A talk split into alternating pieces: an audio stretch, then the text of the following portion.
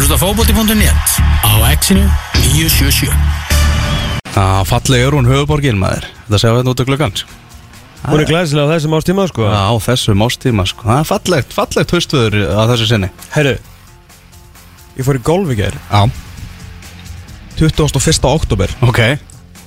Og það var svona fymta besta veðri sem ég spilaði golf í á árunum 2022 Pælti því. Hvað finnst þér um það? Það er ekki lægi sko. Nei, það Það var mjög lagi. gaman í gær. Já, já, En þetta var samt eiginlega betra veður heldur en í já. Það er hérna, satt kallt það, er, það var ekki kallt í gær. Sólinn skein. Og hérna maður bara í smá föðurlandi og eitthvað hérna- Það þurfti að skafa í, í morgun Og þegar ég kíkti á hérna um, Fekk hérna að senda mynd frá leiknisvelli Frá Dómus Nóa vellinum það er frost, það er frost á vellinum.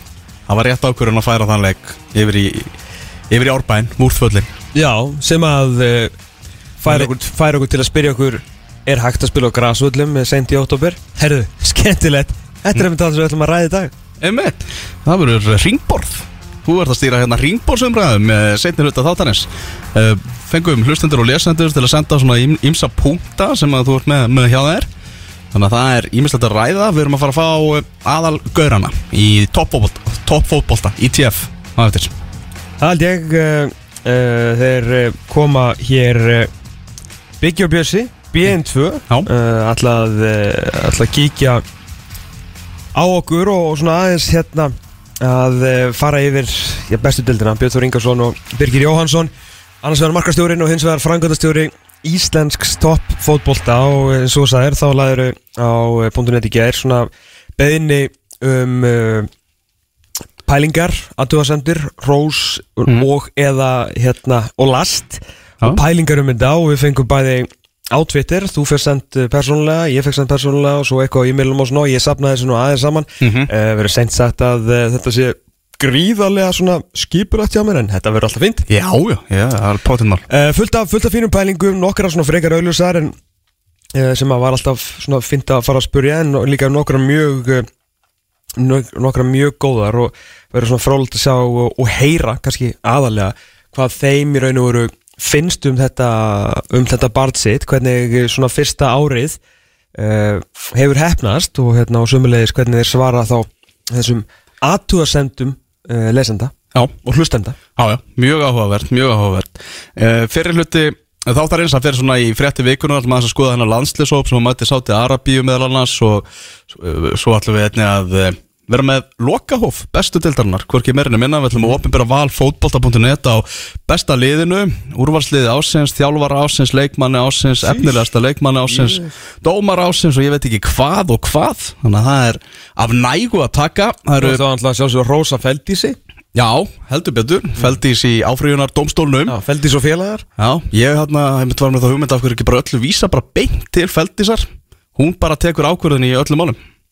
Já, bara Feldís ein og sér? Já. Já, ég er til ég Já, Augljóslega toppkona Já bara tekur það yfir kaffibotlanum á mótnana bara, og það bara úrskurðar hún í, í öllum málum. Ég held að það sé langa einfaldast fyrir íslenskan fótboll Það er líka skemmstan tíma. Já, það er þannig.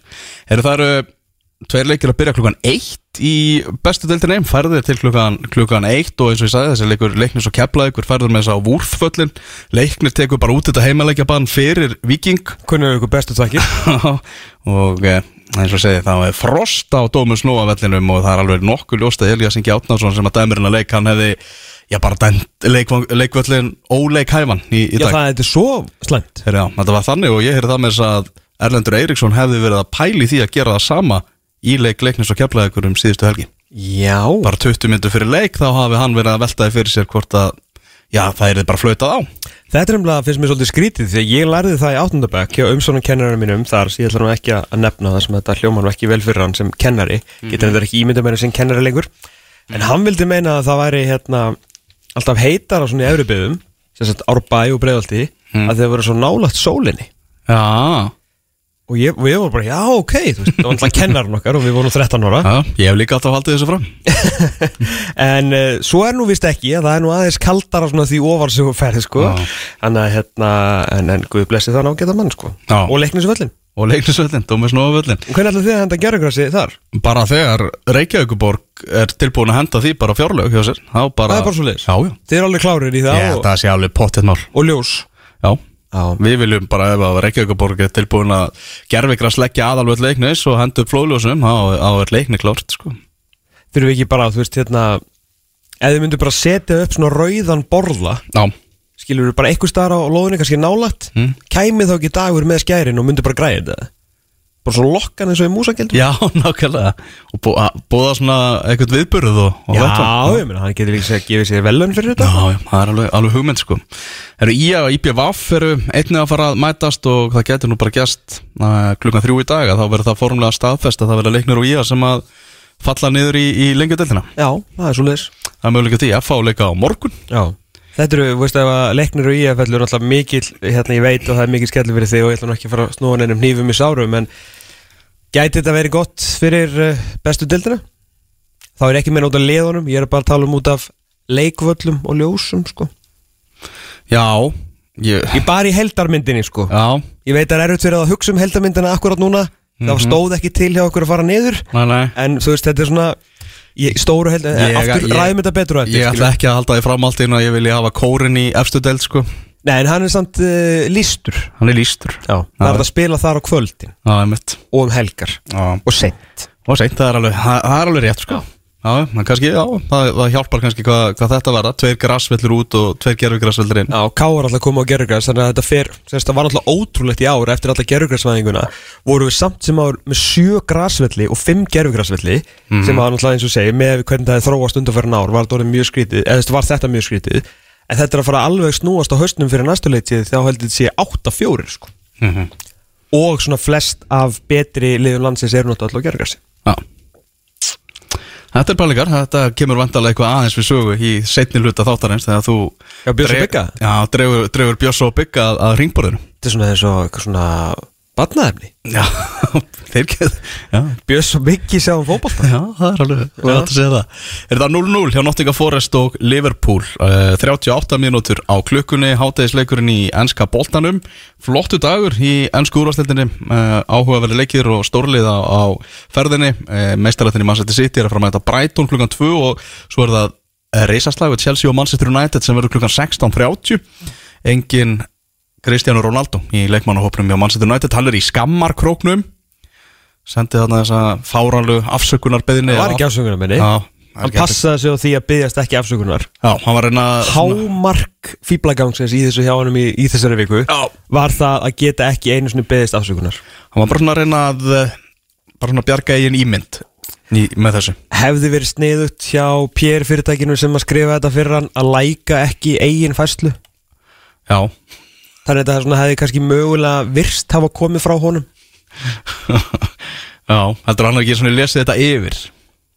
Stóri eða? Það? Já, það er ekki nefndi Nein Ah. Ég ætla að kannski að þessi stofa hefði fengið alveg fúlgur fjár fyrir annarkvort er hún á ári í teinur hjá honum eða hefur fengið einhverja verktakagreisli fyrir þetta sko. Jú, hann kannski lesið þetta yfir. Kannski voru þeir með I'm sorry Þú veist inn í þessu og hann sagði bara nepp Burtu með það. Burtu með það.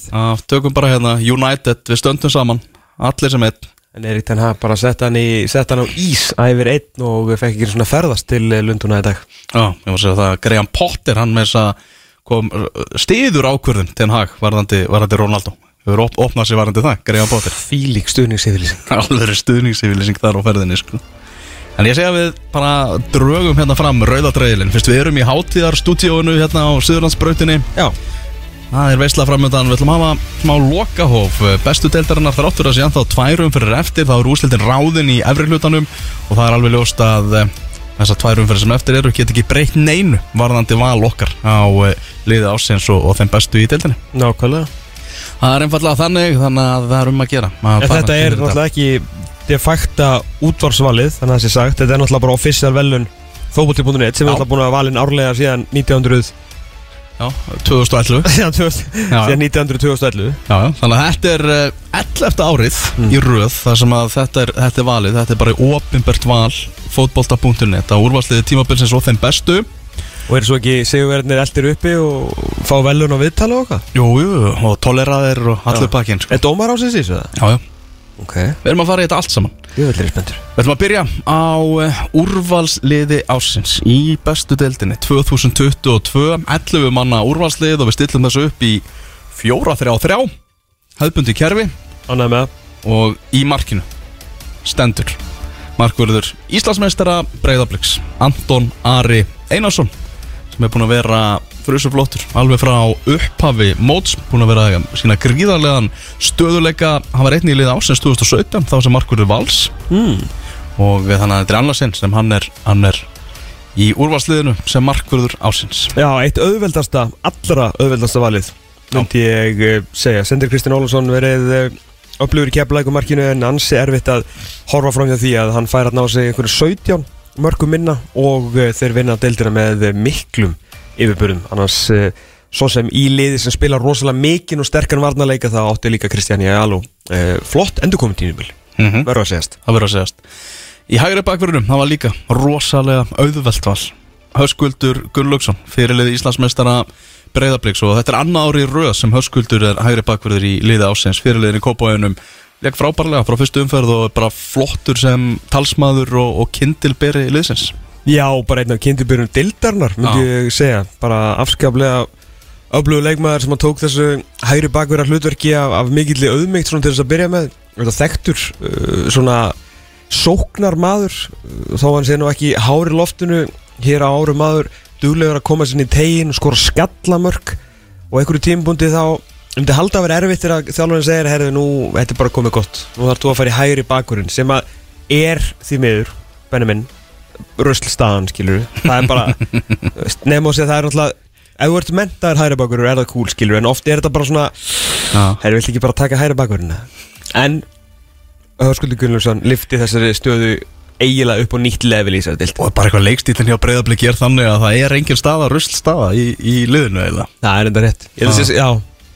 það er alltaf að af flestu liðunum í deildinni held ég sé skemmtilegt að spila hægri bakur í, í breiðabliki og, og svona og viking kannski með. Mm Förum yfir í miðvarða stöðuna og það er maður sem var í liði ásins 2015, 2016 2018 2021 Það er ekki alveg að marketa því að þið náttúrulega eru mestu aðdándur heim sko. Þannig að ef það er alltaf eitthvað svona 50-50 þá er hann inni.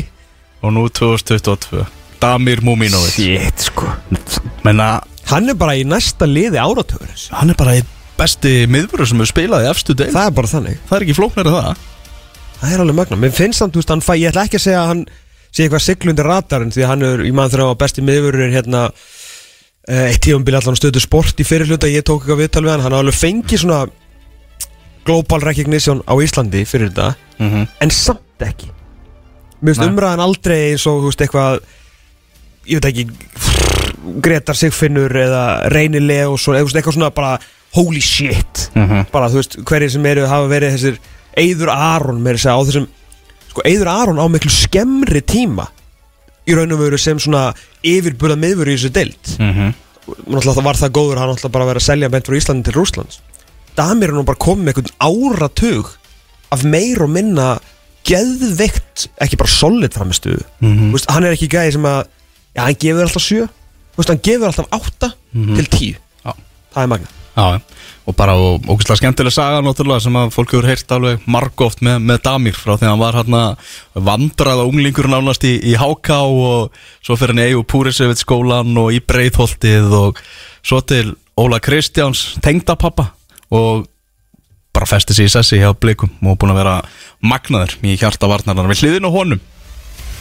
Hliðin á honum í eh, miðverðinum í liði ásins 2022 í bestu deildinni Ívar Örn Árnason í Káa þessi 26 ára miðverður sem festi sig rækilega í sessi sem vinstri hafsend í þessari sterku varnalínu Káa uh, ég held að Dusan Brokovic Dusan í við hliðina á hann getur svona tekið hluta af þessu. Þeir, þeir tveir alveg magnaðir og helsti líkildin á því að Káa er í Evróp á næsta tímabili Ekki spurning og ein uh, skemmtilegustu velun sem við veitum hér á, á hverju ári er alltaf sjálfsögðu Comeback Player of the Year Mhm. En ég það er ekki svona hægt að gefa Ívari Comeback Player of the Year af Því að hann hefur aldrei verið líklegur og hann hefur ekki svona verið nálætt í að fá, þú veist, að kera rútuna hjá liði ásins mm En þetta eru alltaf í staðinn þá bara framfara velun ásins Já. Ég hef aldrei segja mikla bætingu á einu leikmanni á middel tímbil svakalega framfærir Þú veist, í liði sem að byggir á varnarleik Já. meira og minna hefur hann bara verið algjörlega frábær. Algjörlega. Eftirsóttur af, ég ætla ekki að segja, veist, öðrum liðum. Mhm. nýr samningur, flottur og ógæðislega gaman að sjá bara svona þegar menn taka sig einhvern veginn taka sig, ég veit ekki hvað hann gerði þinni það var vantilega þarf bara að fara að taka viðtal við hann. Hvað gerði hann? Nákvæmlega. Aukaði engi skapa meistaran eða var þetta bjóð alltaf í honum? Er Dúsan búin að gera hann svona mikið betri? Arna búin að gera hann svona mikið betri? Mm -hmm. borðaði hann fleiri avokado? Hvað er þetta? en skiptir ekki máli fyllilega skilið, frábæri ár. Og er ánað með hann að semja aftur við Kafa legin í Európu, mm -hmm. halda treyð flottur. Já, ég skal viðkynna það svona þegar maður var farin að heyra frá Akkur eða sem enn voru farin að peppa hann á fullu þá var ég bara svona að, að, að veist, svona ekta eitthvað stuðningsmenn sínsliðis einhvern veginn að að peppa menn einhvern veginn út af engu. Uh -huh. en svo fór maður bara að horfa á hann og, og gummi fór hérna þess að greina vörninni á káa og bara bila góður sko. Svo að verðskuldað sæti í liði ásins Hvað er það? Er svona tvö ár síðan hann var vara vinstir bakur í þessu liði sko. Og nú er hann í liði ásins sem miður. Mm -hmm. þetta, er, þetta er alveg saga sko. Frábælega gert. Í vinstri bakverðinum Fókus. Skurt, skurt. Fókus. Það er Skurt, skurt. það er Logi Tómasson. Neian bil, neian stil Emmett Luigi Vill ekki láta að kalla sig Luigi lengur Nú er hann bara fótball, Nú? fótballtamaðurinn Logi Tómasson Já, jú, hann vill náttúrulega láta að kalla sig Luigi Ah. er sérlega klart mál Hann- Hann líka sleppur ekkert við það Eins og Höskuldur Gunnarsson Sigur er í þessu deild By a fucking mile sko. ah. Frábær uh, Skila mörgum, stóðsendingum uh, Besti sóknar vinstri bakurinn í deildinni By a mile mm -hmm. Undir 21 áslagslið er í uh, Vináttu leikjar uh, Gleði sprengju Vináttu hópnum gegn uh, Hérna vinum okkar í Sáti Arabíu. Og hérna á þetta allt saman skilur Búin að vera algjörlega frábær. Mhm. Það var undirbúinist tímbilinu mitt í fyrir tímbil sem ég var að tala við uh, Eva Magnarsmyndumála hjá uh, Vikingi, Kára Átnarsson þar sem hann var á rósónum mjög mikið.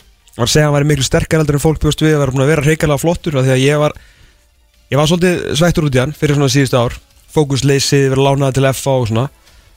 Uh, en það virðist vera að Kári viti meir um fótbolta heldur en ég hérna, sem er hérna mjög gott fyrir Viking að hérna, Það nánast allir á landinu. Já. Frábært að fylgjast með þessu, sá að flottum maður. Já, heldur betur. Var valin besti Varnamaður deildarinnar í skoðanakunnun á fótbolta.net í, í september. Já. Þegar þá erum við komin á miðsvæðið og þar eru þrýr hörkuleikn og byrjum á um, þeim reynslu mesta 33 ára gamall spánverji sem var og er feikilega mikilvægur í liði Káa það er engin annar en Rodri. Já, Eitt sá besti að miðumennu deildarinnar í því að komast inn í, inn í sendingar sem varnar tengilegur er einhvern veginn allstar með gríðarlega góðan leikskilning og staðsendingar frábær leikmaður uh, hérna og verið veru bara góður verið bara alltaf jafn góður ekki alltaf jafn veist. Hann er búin að mjög stabil síðan hann kom. Uh, bæði fyrir Grindavík og Káa og svona líka fyndi hann heiti Rodri því hann er svona myndi ég segja svona E-útgáfan af Rodri.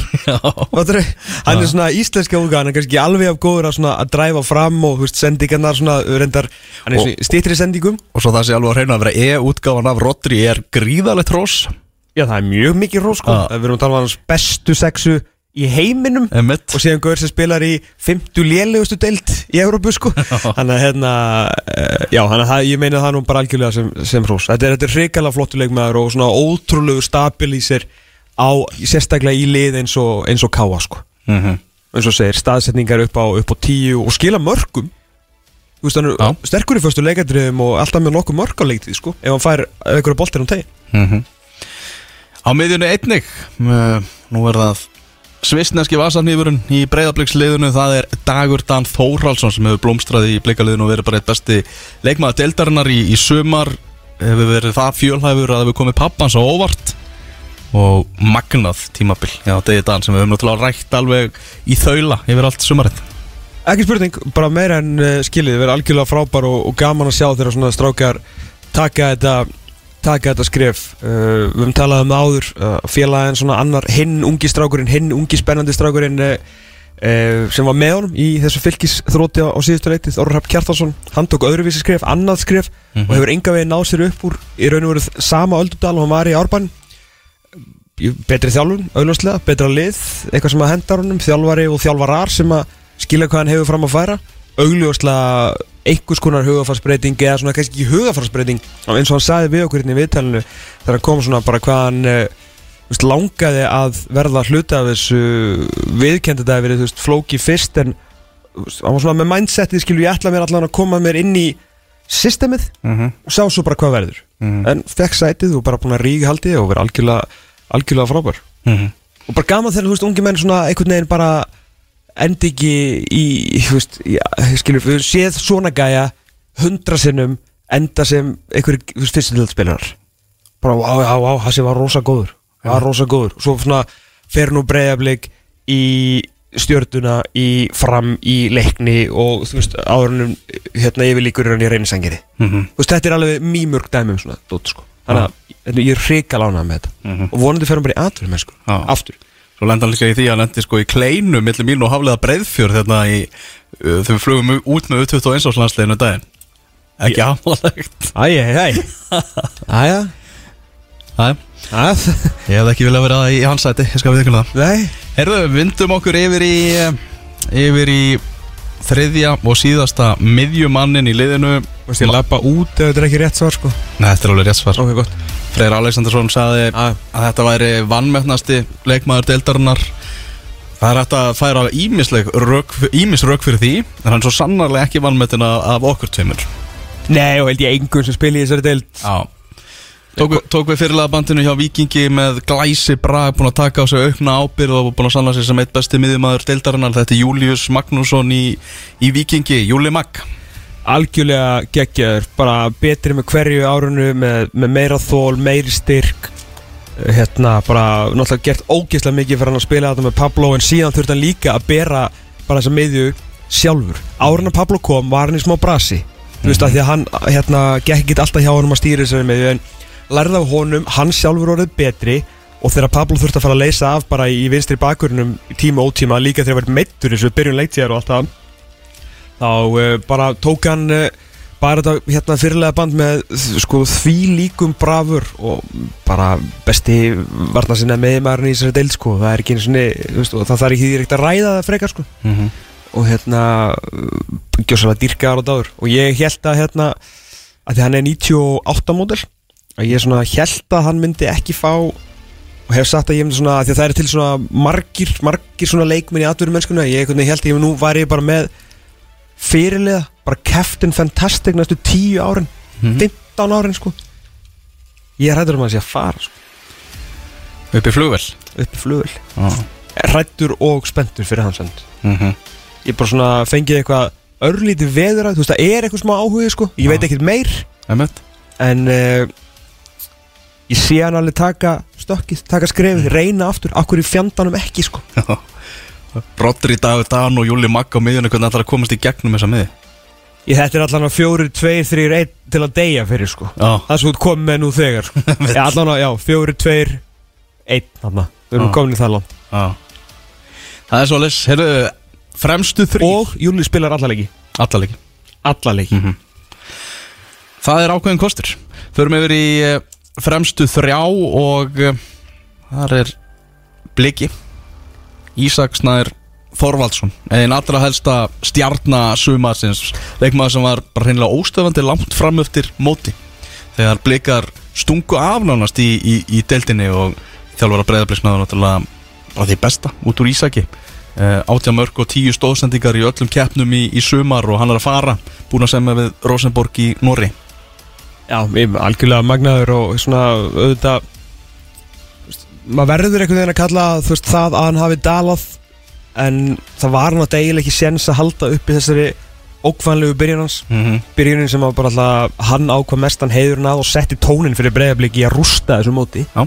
þannig að hérna veist, ég vil eiginlega freka bara að segja að þetta hafi verið kannski veist, í staðin fyrir að vera bara með beinalínu ákvæðan bara, hann er að spila upp á svona 9,5 í ár Mhm. nema hann byrjaði í svona 12 einmitt fóð sem kannski í svona 8 7,5, 8 og svo svona rétt hann segja að við erum bara búin að vera í solid 8, 9 þessum eftir er hann var bara, þú veist, óstöðvandi algjörlega þetta var bara algjör bull Já. Það það reyði engin við hann það bara það var flautað á í leikjum breyðabliks og svo skoraði Ísak það var eina sem þú vissir að því að þú veist eins og Guðjón Þórólfsson alltaf sagt eina sem við vitum er við vitum ekki neitt Já. en það sem við vissum með leiki breyðabliks framan á móti var það að um leið og leikurinn fara stað Mhm. væri að telja niður í það að Ísak myndi skora og þegar það var búin að skora þá var talið niður í það að myndi skora aftur Já. Fekk bara boltan yfir varnunar setti raskatið út, menn duttu bara af honum, lappaði gegnum menn yfir þá, undir þá og þrumaði svo boltan í minni ég hef aldrei séð svona í rosalegt. Og geggjar djúvöld var gaman að horfa á hann í byrjum á sérstaklega sko. Svakalega. Og ég, ég veist að ef að þeir enda hann saman einhvern veginn hann og Kristall sem einhverja stjórnir í Rosenborg þá er ég að fara að kaupa mér áskrift sko.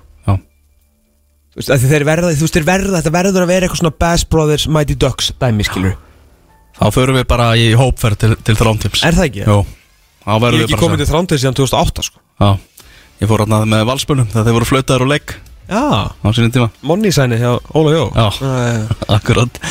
Herðu líka í liði ásins í sóknarlínunni talandum að vera óstöðvandi. Sumar er náttúrulega litast af óvendum stjórnum eins og má sjá bara á þessu úrvalsliði og nökkvi Þeir Þórisson í Káa er svo sannarlega einn af þeim.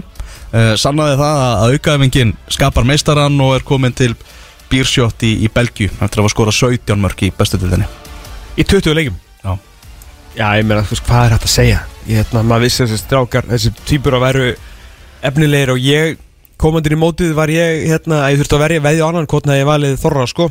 Já. mér fannst Þorri á meiri vegferð einhvern veginn í þessari hægri bakverðastöðu með þennan kraft, þessa hæð, þennan styrk svo séns á komin með mörg veist, ég held að þetta er ég held að það er kannski næri einhverjum landslýsvölum og landslýsvali og uh, kannski einhverju séns í atunum sko.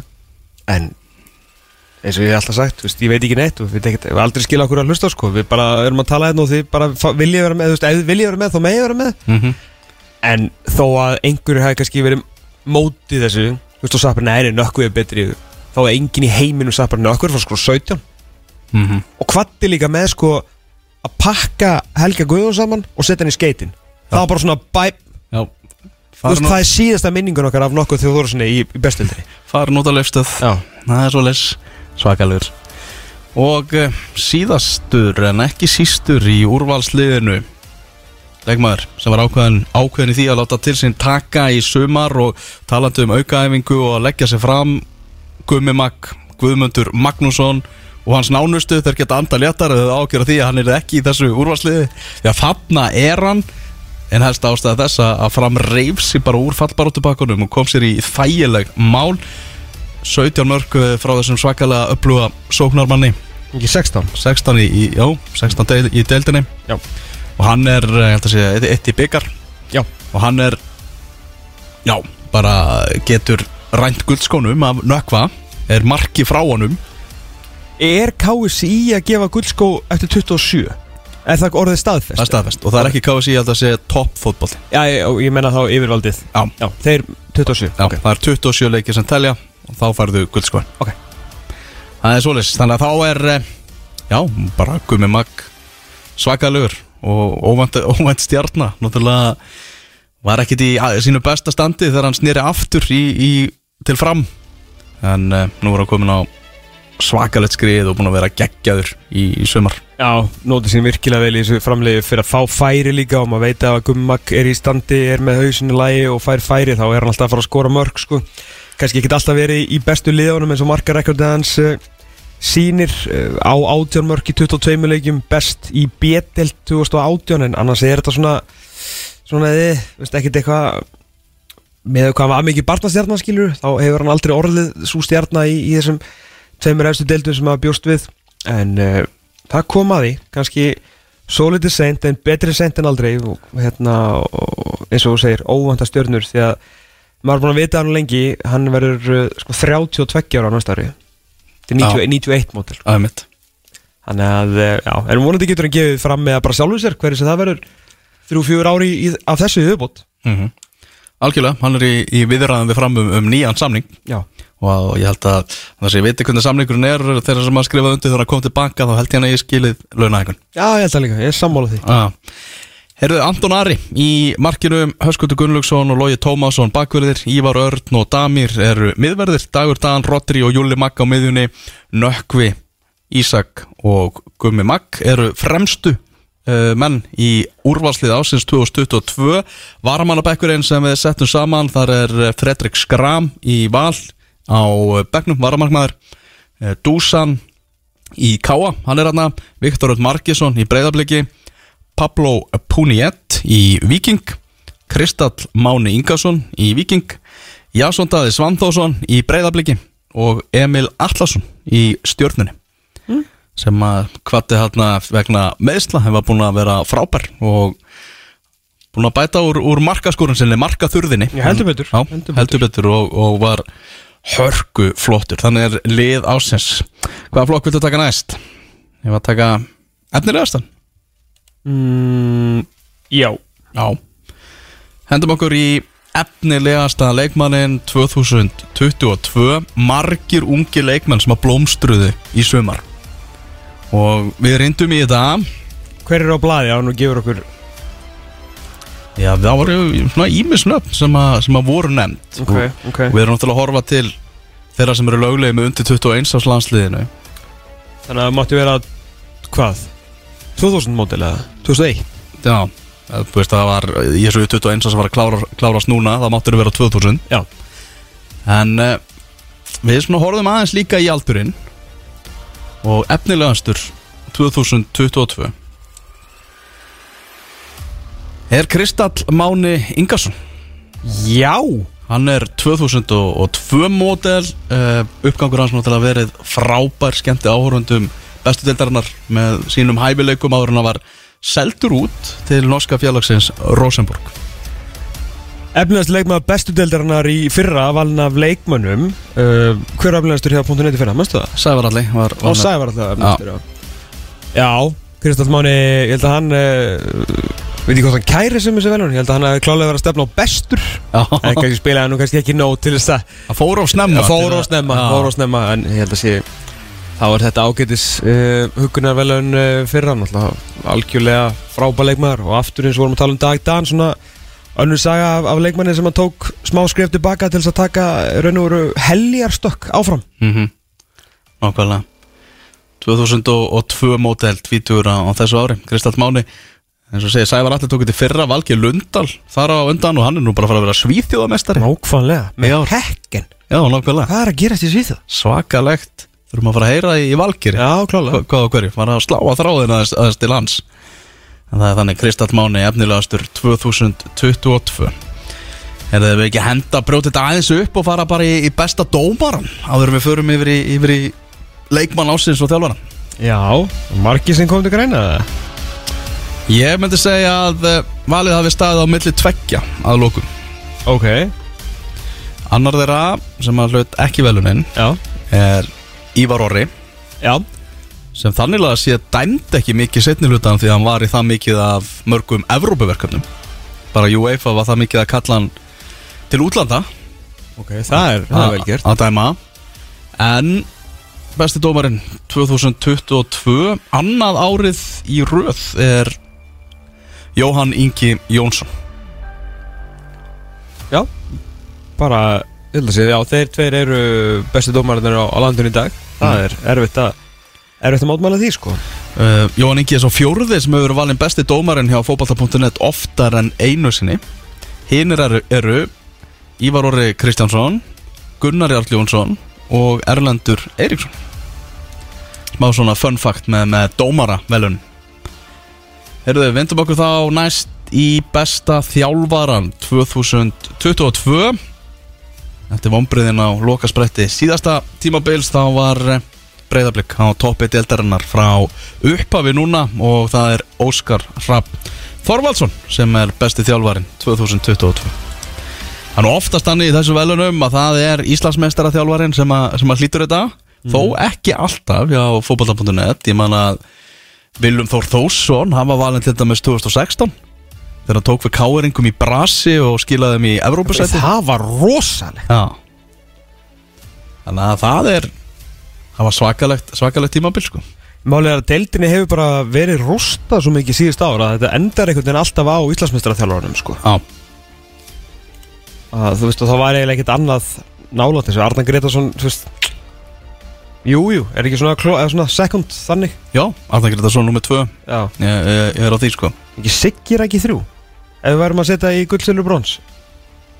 Jú, algjörlega sko. Já. Ég held það. Ef við erum að horfa á deildina Þannig að vikinga byggamestarar Já, ef við horfum bara til deildarinnar skilur Já, það, er er ekki fréttir í dag að vikingur eru byggamestari Nei, það er ekki Það kemst ekki helstið á rúf. Nei. Það er alveg ljóst. Besti þjálfarinn, Óskar Rafn eh, Þorvaldsson að sjálfsögðu uh, hann og, og Haldur Átnarsson bara náðu því besta út úr, út úr flestum leikmönnum sínum. Allega Haldur Árnason verði svona uh, Er hann svona Pep Linders Albert Stuvenberg? Allar hann bara að vera, Allar hann að vera Tröstur, bara svona bakhjarl Óskar Sapsa eilifu Eða heldur að hann muni fljúur hæðinu Já. Sko við erum náttúrulega vonandi eftir því að einn daginn að bara Óskar og Arnar fái tækifæri bara erlendis og opnið fleiri klukka fyrir íslenska þjálfara. Já. Allir svona, Dóri sé að hugsa um það vil ég taka þátt í því sko eða hvort það vilja standa á eigin fótum Já, einmitt, svo bara ekki víst að þessi félum myndir leifa það sko. Að hann er tekið með Nei, bara aðstofþjálfur frá Íslandi og kannski eru, veist, eru þeir með einhverja aðra og stærri Já, kosti í huga sko. Já, já. En vissulega fekk Rúna náttúrulega að vera með Siggaraka til dæmis í Leiliström, bara pælingar. Já, já. en Freysi, hann fekk ekki að að taka íslenskan aðstofþjálfara það var bara klárt teimið í kringum hann. Einmitt. Mm. teimið sem að Freysi reyndar virkilega ánaði með þess að kom fram í, í Chess After Dark. Eða þá er það bara eftir. Besti leikmaðurinn 2022 Það er ekki að halda langa ræðu um þennan leikmann því að það var gert hérna áðan. Leikmaður ásins 2022 Ísak Snær Þorvaldsson. Maðurinn sem að bara tók þetta með trukki og dífu og, og þegar var óstöðvandi þegar blikarnir stungu af í þessu móti og liti ekki tilbaka. Nei, ég hérna Ég nökku þeir alveg í umræðinni, sko. Já, en Ísak kláraði nú mótið með okkur og svona var ekki að yfirki okkur eins og, eins og nökku, sko. Já. Og var eins og segir, algjörlega, algjörlega frábæra Við tókum með þess að dag Dan líka í, í umræðina Já, já, frá- ok. Frábæra allt tímabilið. En bara hrikalega, hrikalega velskulda og nánast búið að vera Það var allan að Það var alveg ljóst að við værum að fara í MVP keppni millir Kristals og Ísaks bara, nei, Krist, jú, Ísaks hérna, eftir svona þrjár fjórum fyrir en uh, þegar að uh, Kristals Máni yfirgaf okkur að þá uh, var alveg ljóst í raun og veru og búið að vera ljóst frá því júni að Ísaks Næður Þorvaldsson er því besti leikmaðan í- á þessu móti sko. Já. Heldur betur það er endar, ég er að sjá hérna alveg já, erfið að mynd að sjá. Nú? Að mynd úr rútunni hjá Rosenborg þar sem að Kristals Máni Ingarsson setur fremst. Það er ekki tíð það er, þú veist, Fyrir heldur á bílstjórunum bara. Já, nánast sko. Hann er þetta hjá vassflöskunum hann á eftir að eftir að byggja sig upp hann sem alveg eru töffara og áður hann að langt um líður munu hann og Ísak sitja aftast og vera svona með sjáum bandirinn. Já, emitt Eða smárið var alltaf að hvað í hotninu Hægra megin Já, eins og Arnarsson Já. fekk svo skemmtilega að já kynast Hægra megin þegar maður Situr hor- horfir fyrir- fram Já, rútuna já, vinstra megin er þetta að koma inn. Já, einmitt. Það er svolis, það er svolis Herra, já, það eru nokkra spurningar hérna sem voru að berast í, í viðbót í morgun. Það er að forvarta þeim á þeim Fyrir ringborðað eftir? ringborðið á eftir sko. Pff, Ég er að stressa það fyrir þessu. Já, þetta, þetta verður stuð. Ég laka til að, til að hlusta. Herðu, förum aðeins í um, þessa leiki sem að framöndan eru í eh, bestu deildinni. Eins og við segjum, það er bara vel, uh, leikir að byrja eftir 20 mínútur, tveir leikir og uh, það er í að IPVF og leiknir Keflavík. Möguleik á því að F ná að bjarga sér í sófanum að leika á morgun. Og uh, Nacho og Magnús aftur í, koma aftur í byrjunarleiði hjá Keflavík, það eru tvær breytingar á, á leiði leiknis Davíð Júlíán Jónsson og Girðir Hrafn Guðbrandsson sem komin í liðið í staðan fyrir Dag Östmann og Birgi Baldvinsson. Held að Birgi Baldvinsson sé ekki meira með ekki með þessum tveimur síðustu umförðum í deildinni. Og um, svo er það um, að byrjuð í á IPVF það eru þrjár breytingar hjá Skagamönnum þar sem að Steinar Þorstensson, Átni Salvar Heimisson og Alex Davey fara út. Haukur Andri Haraldsson, Ingi Þór Sigursson og Linus Sævar Jónsson koma inn í liðið Átni Salvar í leikbanni. Og Allir Rafn Andrason kemur inn fyrir Arnar Breka Gunnarsson sem tekur út leikbann hjá IPVF Þetta er ekki sérstaklega flóki að leiknir þarf að vinna báða sína og FH tapa báðum. Já, Já. Það sem að fjögur stigum mun ekki duga það sem að markantala leiknis er tölvöld slakar heldur en FH Mhm. þannig er staðan. Heyrðu það er eh, Já, já, bara fellur í dag. Það ekki? Uh, Jú, ég myndi halda það jú. Ég myndi halda það. Uh, Búið að vera erfitt tímabil og svona Nei, leiðir sko, ef að þeir vinna eru þeir konur í 22 Já, nei, þeir, þurfa- nei, nei, þeir eru ekki séns. Nei, nei. Þeir eru 60 og markatölunum eftir F og þetta er alltaf búið. Já, þetta er búið, það er bara eitthvað svona eitthvað töl- eitthvað tölfræðilegar líkur sko, Já, já, sem eru engar. Sem eru engar sko. Að Arnamór Guðjónsson var hérna í, í DOK að tala um uh, aðeins Gísla Lagstall bara hann hefði verið stór vombrið með við hæfileikana. Er þetta ekki líka bara, veist, bara stór vombrið svona hvað vonastjórnundar margar hverjar hjá IPVAF, nei hjá í að segja, segja hafa svona erfitt með eh, átt erfitt með að taka næsta skref hjá sér? Skelvilegt, með að tala um þetta Steinar Þorsteinsson og Gísli Lagstall eru að bara breytast í, í Byrnesta Ingarsson sko. Svona framan á hans ferli. Alltaf tala mikið um það á, í, á undirbúrstífabilinu og eru oft bara mjög góðir á undirbúinistíðanbylinu Mhm. en svo er bara hérna tjaldi dreigið frá og hérna leikrið á að hefjast þá bara munar ekki línunar um þetta það er slæmt. Já, því miður, ég meina þú veist, þeir vera samt uh, hirtir upp að þetta sjá allir hérna hæfileikan í þessu, uh, í þessum strákum. Og Mhm. ég kemur ekkit óvart ef að nei, við það sagði hann ekki Steinar reportið áfram var ekki hann sem var eignast batn og bara enga trú að myndi fara?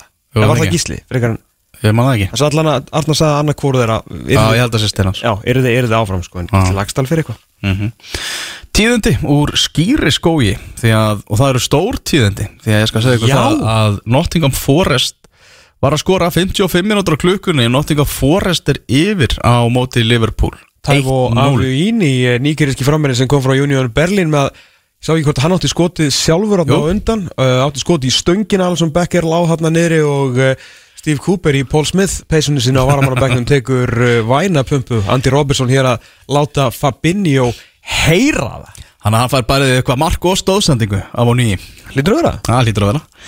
Herðu, já, leikni Keflavík spilaður í, í Árbænum. Stóra fréttir svona Patrik Jóhannesen, hann var í viðtali núna við, við Gumma á .net í, í vikunni Færiski landslismæðurinn á ári eftir að samningi sínum við Keflavík Breiðablik hefur áhuga á hann á honum gerði eitthvað tilbúð sem að Keflavíkingar höfnuðu. En Patrik Jóhannesen hefur mikinn áhuga á því að fara í Breiðablik. Já, það fór ekki að millimála Já, og fer ekki að millimála að Patrik Jóhansen ætla sér ekki að spila fyrir Keflavík á næstu leiktíð.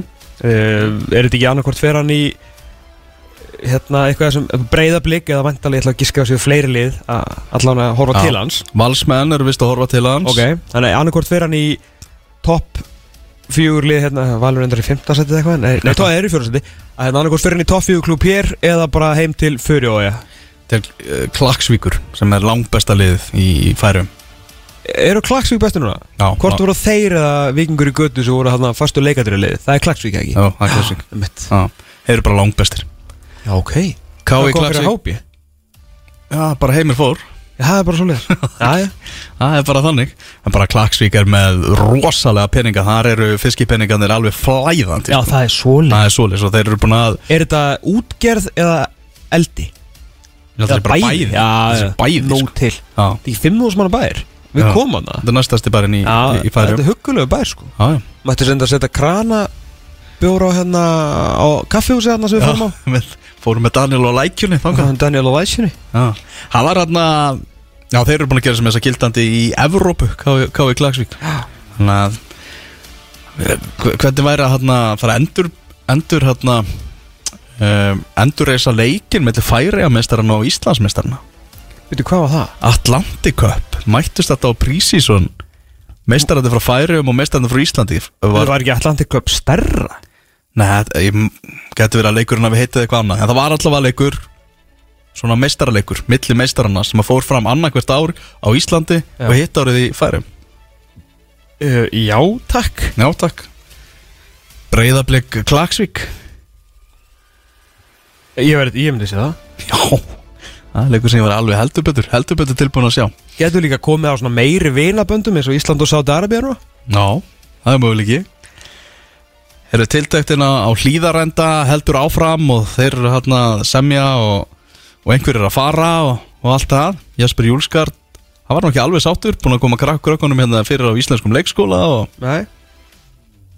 Nei, ég bara, þú veist, og fór í fínt auðlýsingar viðtalarna á, á vísi til þess að reyna að uh, Væntalega var hann að kalla eftir því að hann myndi vera áfram hér. Hann er ekki heim til Danmarkur hann var eiginlega að segja það. Hann er búin að festa rætur hér og hann var svona óljóst að kalla eftir því að eitthvað annað íslenskt félag myndi bara bjóða, bjóða fram samning.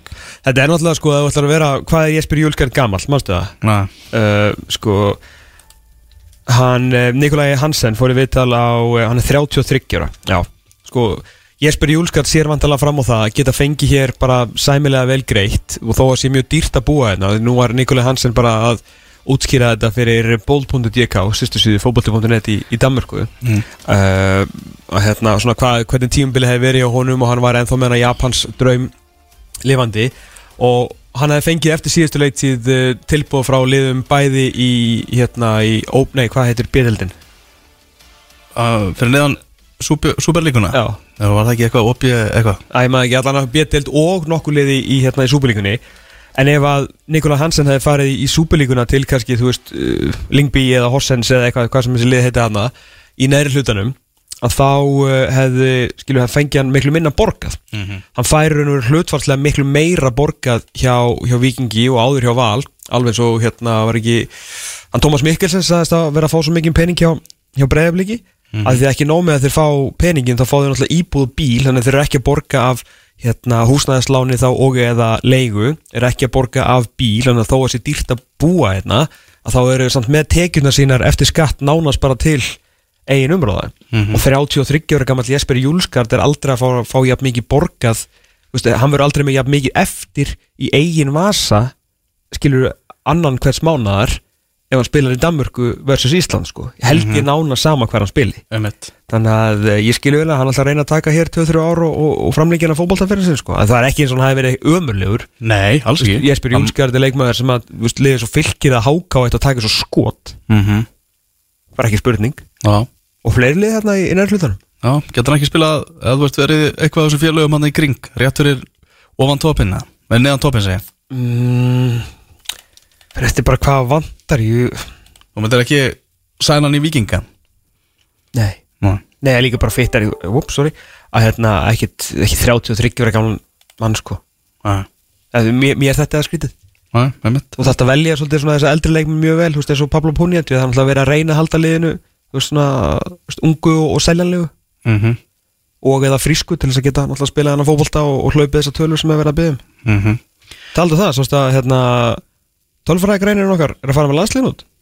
Já, ég sá það, valinn í landslið Já, valin landslið, hann og Gauði styrtaðalari Þetta er nú skemmtilegt, ég er nú ánægast með KSI að þó þetta sé náttúrulega ennett peppi á vikingi sem þetta er, sem að enginn er að þreyttur á. Að hérna, Nei, bara þú veist að líka þetta fólk skilur og þessir menn sem er í kringu dildina saman þessu vikingu breyðablík valur eða, eða keflæk skilur að þeir fá líka að að smakka landsliðinu þegar menn hafa staðið sér vel. Þetta er náttúrulega líka nýr hluti af, af fótboltanum. Það er náttúrulega þessar, þessar fitnesstölur mm þannig að um að gera að hérna leifa mönnum úr dildinni að fá að smakka þetta. -hmm. Það eru fleiri svona fréttir úr, úr bestu deildinni. Jökull Elisabethsson áfram komin í fullt starfi í Garðabænum. Sem hvað? á eftir að greina nána frá því held ég. Það var alveg stjórnu fyrðulega frétta þingir Já, maður verðist vera að allavega þeir haldi áfram Jökull og, Gústi. Það með sí, Það er alltaf eina sem ég gæti lesið úr þessu, ég er samt að sjá hann verður áfram í teiminu með, þú veist, Ágústi og þeir verður þá þjálfarar hefur verið aðstofað Já, hjá Gústa í sumar og verður, það áfram? en Já. sinnir frekar á hlutverki ég, hann er bara allavega hann hann fær, verður allan áfram í stjórnunni já, fær fullt borgað í Garðabænum. Þeir eru bara, bara að tilkynna það. Margir í Garabæði sem fá það er Víkingur til dæmis verktakarnir núna sem að þurfa að laga hérna, miðhús, meðgarð Já, enn og aftur. Enn og aftur. Er það Víkingur K.R. á mánudaginn spilar á Víkingsvelli eftir að Feldís Lilja í áfriðunar domstólnum feldi heimilega bara Víkings úr, úr gildi. Feldís! Heldur betur. Það verður Þessu illa er lítur þetta allt út fyrir kási Guð minn góður sko. Já, Ég eina sem ég hefði vantað í þetta var að Feldís hefði sett heimilegja bann á kási Já. Það hefði verið bingolótt Hvað bara á landsliði þá Það er bara næsti landsleikur verður spilaður bara einhvers staðar annars staðar. Færi Í farum Kyle McLagan og Oliver Ekroth í banni hjá Víkingum í, í þessum leik Já, já Það er eins og það er. Já, þannig að það þarf eitthvað að púsla saman nýtt nýju miðvarapari. Nei, það var toppfótballtabræður mættir Biggi og Bjössi. Bjöss og Byggi Bjössi og Biggi. Byggja Er það uh, Er ekki bara landsliðsóperinn? Er ekki að snerta á honum? Kóndu með hann. Vináttu landsleikur. Það má- Vin áttu landsleik Já, mikil vinátta mellir þessara þjóða. Íslands og Sáti Arabíu heldur betur umdelt verkefni í næsta mánuði sem fer fram í, í Dubai og það verður svona nánast nánast svona uh, bestu deildar úrvalslið sem að, uh, er að fara í þetta verkefni. Það er einhver, einhverjir sem getur með þess að dottið út þannig að það er komin bekkur í hópin varakalla sem að getur mögulega dottið inn. Næstu menn. Já, Það er skemmt það er skemmtilegt. Það er þarna, til vara Ólafur Kristoffer Helgásson, Ívar Örn Árnason Þorri Mar, uh, Ari Sigur Pálsson og Adam Ægir Pálsson Það eru varamennir Já, það eru varamennir sko. En uh, það eru nú ekki bara bestuðeldamennarna Hákur Rapp, Markverður úr, Elfsborg, Robert Orri frá Montreal Guðlaugur Viktor Pálsson hjá DC United uh, Aron Einar Gunnarsson hjá Alarabi Hörður Ingi Gunnarsson höttilu upp hjá Sogdal, hann er aðna Bjarkistedt Bjarkason hjá Venezia sem er bara algjörlega út í kuldanum. Þannig að Venezia var bara tilbúið að hleypunum í þetta verkefni því að hann er ekkert að spila Er ekki Bjarki bara að koma heim eða? Það geti verið. Valdimar Þór Ingimundarsson og Jónatan Ingi í, í, í Sogdal einnig og svo Óttar Magnús Karlsson í Oakland Roots. Hann er hann líka. Herru, sá er að raða inn í, í bjöldinni maður Bjetildin í bandaríkjunum. Já Já. Þeir eru eitthvað skrítni strákan þegar ég með les þeir taka hann ekki Já, það verið gaman að sjá hann taka skrifið. Ég meina, þeir hljóta að vera að horfa til bjetildarinnar í bandaríkjunum. Ég bara hef ekki kynnt mér þetta nóg hvort að menn sé að fá sensin þar en hann er alltaf hann að, uh, að raða inn og líka skóra svo mikið úr aukaspinn Já, Þeir eru alltaf að elska svona skilur dundurmörk að, já, dundra. Nú, Já, bara svona, aukaspinnur er fyrir þeim bara eins og, þú veist, hérna, three pointers Já, nákvæmlega.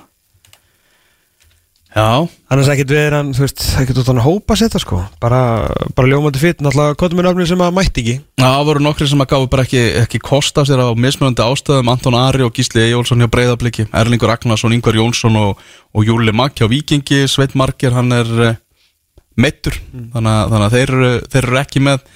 Þannig að uh, Þetta eru ástæður allt frá því að egna spann upp í það að fara til Tenerife. Já, svo er hægt að taka einhverja djúpar umræður um það hverju, þú veist hvað þetta verkefni á að gera fyrir okkur og hverju það á að skila hvort það sé bara reynilega einhver tilgangur með þessum leik, við náttúruleik á móti Sáti Arabi og sitt sínast hverjum um það? Já, því að náttúrulega þessi leikur er þetta ekki hérna sjónvarssamningaleikur eða hver ég held ekki. Ha? Ég held að sé ekki sjómansamningarleikur Er þetta bara leikur að þú erum að taka hana því að þeir borga þetta? Það er örglega Já, það er náttúrulega hérna í svona algjörlega til skammar að við séum að að fara að spila við þessa þjóð. Algjörlega tilgangslust líka þetta er náttúrulega auðvitað last ekki að glugga og þetta liðir eins og það er og að besta, besta mál að gefa strákum fullt af þessu strákum eftir að hafa hérna gagn og gaman að því að, að hérna, vera í bláu treyjunni, bláu æfingafötunum, vera inn í þessu umhverju og allt það. En þú veist, þannig en þessi leikur ekki fara að skila nokkur skefbuðu hlut sko. Nei, það er svolítið þannig sko. En já, það er ekki ennþá búið að staðfesta hvort það verið spilað þarna við Suður Kóri að það sé bara ennþá einhvern veginn í vinslu Já, En uh, síðan kemur náttúrulega Eistrasalsbyggarinn og þar eru Já þar Já, það er í landsleikja glugga og það verður annar hópur tilkynntur fyrir, fyrir það verkefni. Já, það er enda miklu, þú veist, það er alveg verkefni sko. Já, það er á, á, á mínum besta stað sko. Já. Það held ég. Er Jón Baldvin þá verndari Eistrasalsbyggasins? Já, það tekur upp að sparkið í, í opnunarleiknum. Já, einmitt, einmitt. Ég, mynd, ég fór á eldofnun í ger Þann merka pizzastæði í Grímsbæ. Uh, Það voru Hannes Þór Halldórsson og Jón Baldvin Haldemarsson og Bryndi Skram Bæði. Saman? Nei, reyndar ekki. Það er þetta verið betri það En þetta var svona, maður styrum alltaf að tala um hvað við söknum heyrt dálsins ég sé og heyrt. Já, Þetta var það, þú veist Hannes Þór og Jón Baldvin og Bryndi Skram og þessi í eldofnum að ég var ánægð með eða eru með góða smekk, þetta er frábær staður Já, frá, skjóðsalega stórkostluðu staður. Sko. Frábær staður. Er það staðin ennþá 1-0 fyrir Nottingham Forest á móti Liverpool. 68 mínútur á klukkunni erum við að fara að fá bara Og hér er Nottingham Forest alveg í dundur sók Tverjum og tremur komur inn og tegin sendi ekki fyrir markið Og Alisson eh, verð þetta nokkuð vel frá Brennan Johnson Sem er brennandaði af vítaspinnu í síðasta leik. Já, Á móti, á móti Ulforum Glemur því ekki að Liverpool er án Luis Díaz Þeir eru án Diego Jota sem verður frá yfir heimsmeistarakefna Það er heldur engin uh, Hérna, hver er þriði, er ekki eitt fram hér í viðbónda? Nei, Jota og Luis eru, eru báðið frá og Diego uh, Alcantara uh, finnur alltaf upp á nýjum og spennandi leiðum til þess að spila ekki í fótbolta og er með ernaborgununa já ég sagði það. Já. Það er þannig, það er erfitt að spila með erðnabólgu held ég. Já, ég er þetta að gera margt með búlgöðin og fengi það nokkra sko. Hmm. Farið ekki langt, Tómas Stór verður með ringborð hérna um fyrirkomulag bestu deildarinnar eftir augna blik Þeir eru að fara að mæta hér eh, Bjössi og Byggi Hvorki meirinu minna frá toppfóbalta og um, það eru ymsa spurningar búin að berast frá lesendum og hlustendum.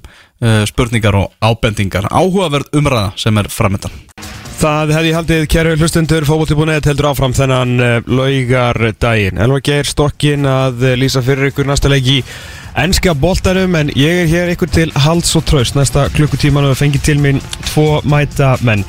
Það er bara þannig að við erum á lokastegum bestu deildar Karla 2022 Fyrsta útgafan af bestu deildinni Fyrsta útgafan af breyttu fyrirkomulagi með tvískiptir deild eftir 22 umferðir Spilaðir auka 5 leikir og sitt sínist hverjum Er þetta gott? Er þetta slæmt? Hverjum er þetta að kenna fyrir utan breyðabliki?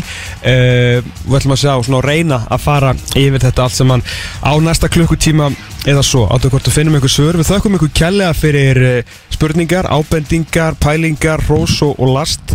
Og við ætlum að reyna að fá einhver svör frá þeim eh, Björns og Bygga sem eru mættir. Annars vegar markastjóri uh, ITF og hins vegar framkvæmdastjóri ITF og nú er þetta svo alltaf engin elvar þannig ég ætla að gera henni pest á tökunum. Uh, Birgir Jónsson, heil og sæl Já, takk, kjærlega fyrir. Björnsi Nei, ah, hérna Hérna, hann er ég, hann er þið. Það var vesen á tökunum, ég sá að það var smá panik út á. þetta var sérst 1 og 3 Herru, velkonir og strákar, takk fyrir að, hérna, að taka slægin uh, til þess að fara aðeins yfir, hérna, yfir þess að deil, gaman að fá okkur. Hérna, ég ætla að byrja á því. Ég veit, þetta, við hafa svo mikið af ábendingum sem að því að nú vantalega kannski reykist á allan á, á það sem að koma í gegnum samfélagsmiðla. En ég heldur þurfum aðeins að byrja á þérbyggi og hérna að reyna að setja þetta kannski í það samhengi að eh, íslensku topp fótbolti svona í grunninn og eða KSI setti ekki 27, já, ég, ég, ætla að koma fulleringu og þú bara segja á henni hérna, setti ekki upp 27 leikja mót af því að það átti að gera cool deild með nýri grafík og e, veist, eitthvað þýjumlíkt. Við erum búin að leita logandi ljósa því núna í 15 ár að spila fleiri fótboltaleiki til þess að gera fótboltakallana betri. Það var alltaf hugmyndin en svo er það bara ITF nú- núna ITF áður KSI að búa til vöru í kringu það. En 27 leikir eru gerðir til þess að spila meiri fótbolta. Já, það er alveg hárætt ég er og það, það þarf alltaf að byrja að hugsa þetta út frá þessu. Þú veist, hvert var markmið? Það var að fjölga leikjum, gera deildina samkefnisefri, gefa henni betri. Við vorum búin að falla nefur Evropalistan 16 sæti frá 2002 við vorum bara ekki í, í, í góðri þróun að okkur að félónu fannst. Þess vegna farið í þessa vinnu og menna þetta fór fyrir tvö ásting þetta var ekki eins og þetta hefði verið einhver hérna bara einhver kortes, korter í, í ásting tekin einhver ákvörun heldur var, var þetta teking kortir ásting en, en, en, en aðdraðandi var leikri Já, akkurat. Já. og hérna, þannig að það var alveg búið að vera að vinna í þessu og, stopnaði starfsópu sem fór í gegnum þetta að skoða eh, marga kosti. Þú veist, fara í tíulega deild spila þrjárum fyrir eins og, og færi er gera mm fara í fjórtónlega deild. Þá ertu bara að fjölga leikjunum bara tölvört mikið ertu komin í, ég man ekki að hafa aukning með 38% frá fyrra uh, fyrirkomulegi og þetta var niðurstaðan og þetta er svolítið svona ef maður slettist trendið í Evrópu en fyrst og fremst þyrftu við að fjölga leikjum eins og við sáum það, við vorum að spila hvað fæsta leiki í Evrópu. Og ég, ég mani ég skoði einhverja skýslu frá FIFA á sínum tíma sem var með fjöldi stiga sem gast uh, sapnað í deild. Og þar voru við á San Marino sko ekki á botninum heldur sko lengst á botninum. Þannig að svona moneyball. There's, six feet of dirt and then there us Já, þetta var það, svolítið þannig. Og við vorum bara einhvern veginn þú veist, þess vegna var svolítið farið í það bara að grípi herru, við þurfum að, að uh, við þurfum að gera eitthvað. Mhm. ekki eitthvað, heldur við þurfum að fara og, og eins og ég segi, við fórum í gegnum þetta skoðum hvað deildinni kringum okkar að gera og, og þetta var niðurstaðan.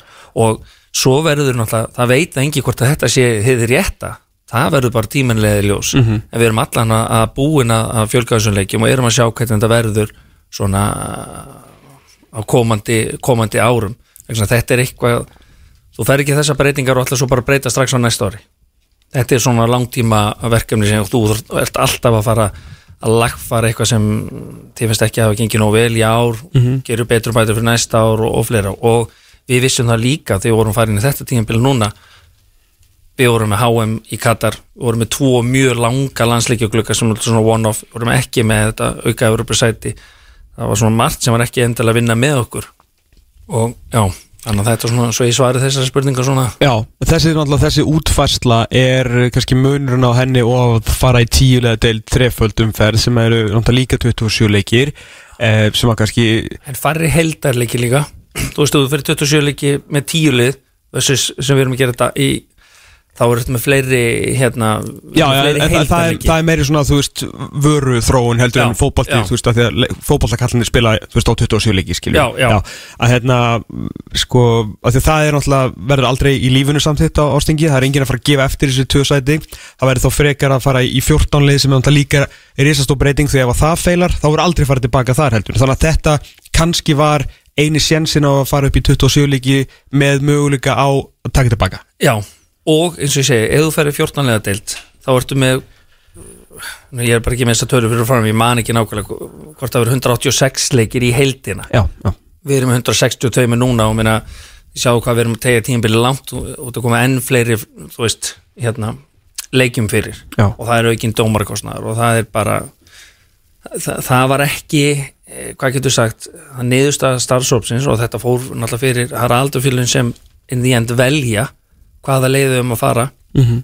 og og við getum líka séð að, að, að frá skýslum eh, bæði UEFA og FIFA að, að sko íslenska deildin er mjög samkeppni sæf við erum ekki svo margar deildir með sömu hérna sigurverðina ár eftir ár. Það er mjög góð svona dreifing á, á sigurverðum í deildinni. -hmm.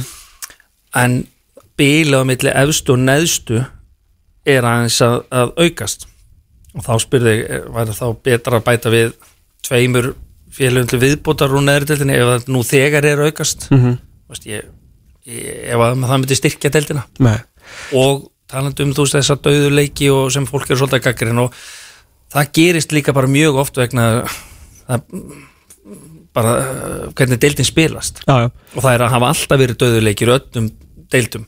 En ert komið 14 leik deild er það ekki með fleiri svona leiki sem eru skipta minna máli í lóktíðinbils Sko ég maður þegar þú hérna þessi varst að eh, svona fara yfir varst náttúrulega taka alls konar uh, menn og konur í tal um þess að til þú varst að reyna að þróa þessa vöru, allan að upphafa þessa vöru og svona sko fólk og, svo ég hef alveg getað sagt þetta þá og, hvort ég hef sagt þetta skilur fólk í átjónlega deild fyrir ekki átjón leikjamóti og fólk voru þreytið til 13 í 22 og fólk þreytið til 16 og í talningum 27 og fólk voru þreytið til 19 skilur þú veist, það er bara veruleikin skilur, þú veist, það getur enginn sagt auðvitað á síðasta mót algjörlega geðveitt en þegar að Arþór Ingi Kristinsson röldi með móti í burtu fyrir Káur og raunir þetta með tólstigum þú veist, það var nánast alveg jafn leðilegt mót og við erum að horfa upp á núna. Akkurat. þannig að þetta hefur kannski ekki hjálpað ykkur og fyrir þið sem svona, ég fyrsti markastjúrin á fyrsta, fyrsta tímbilinu að vera án Európusætisins uh, að vera með breyðablík svona lang besta og í raun og veru að fallborðan hafi eins spennund og var í byrjun til skiptaringarna þá fjara hann við fljótt út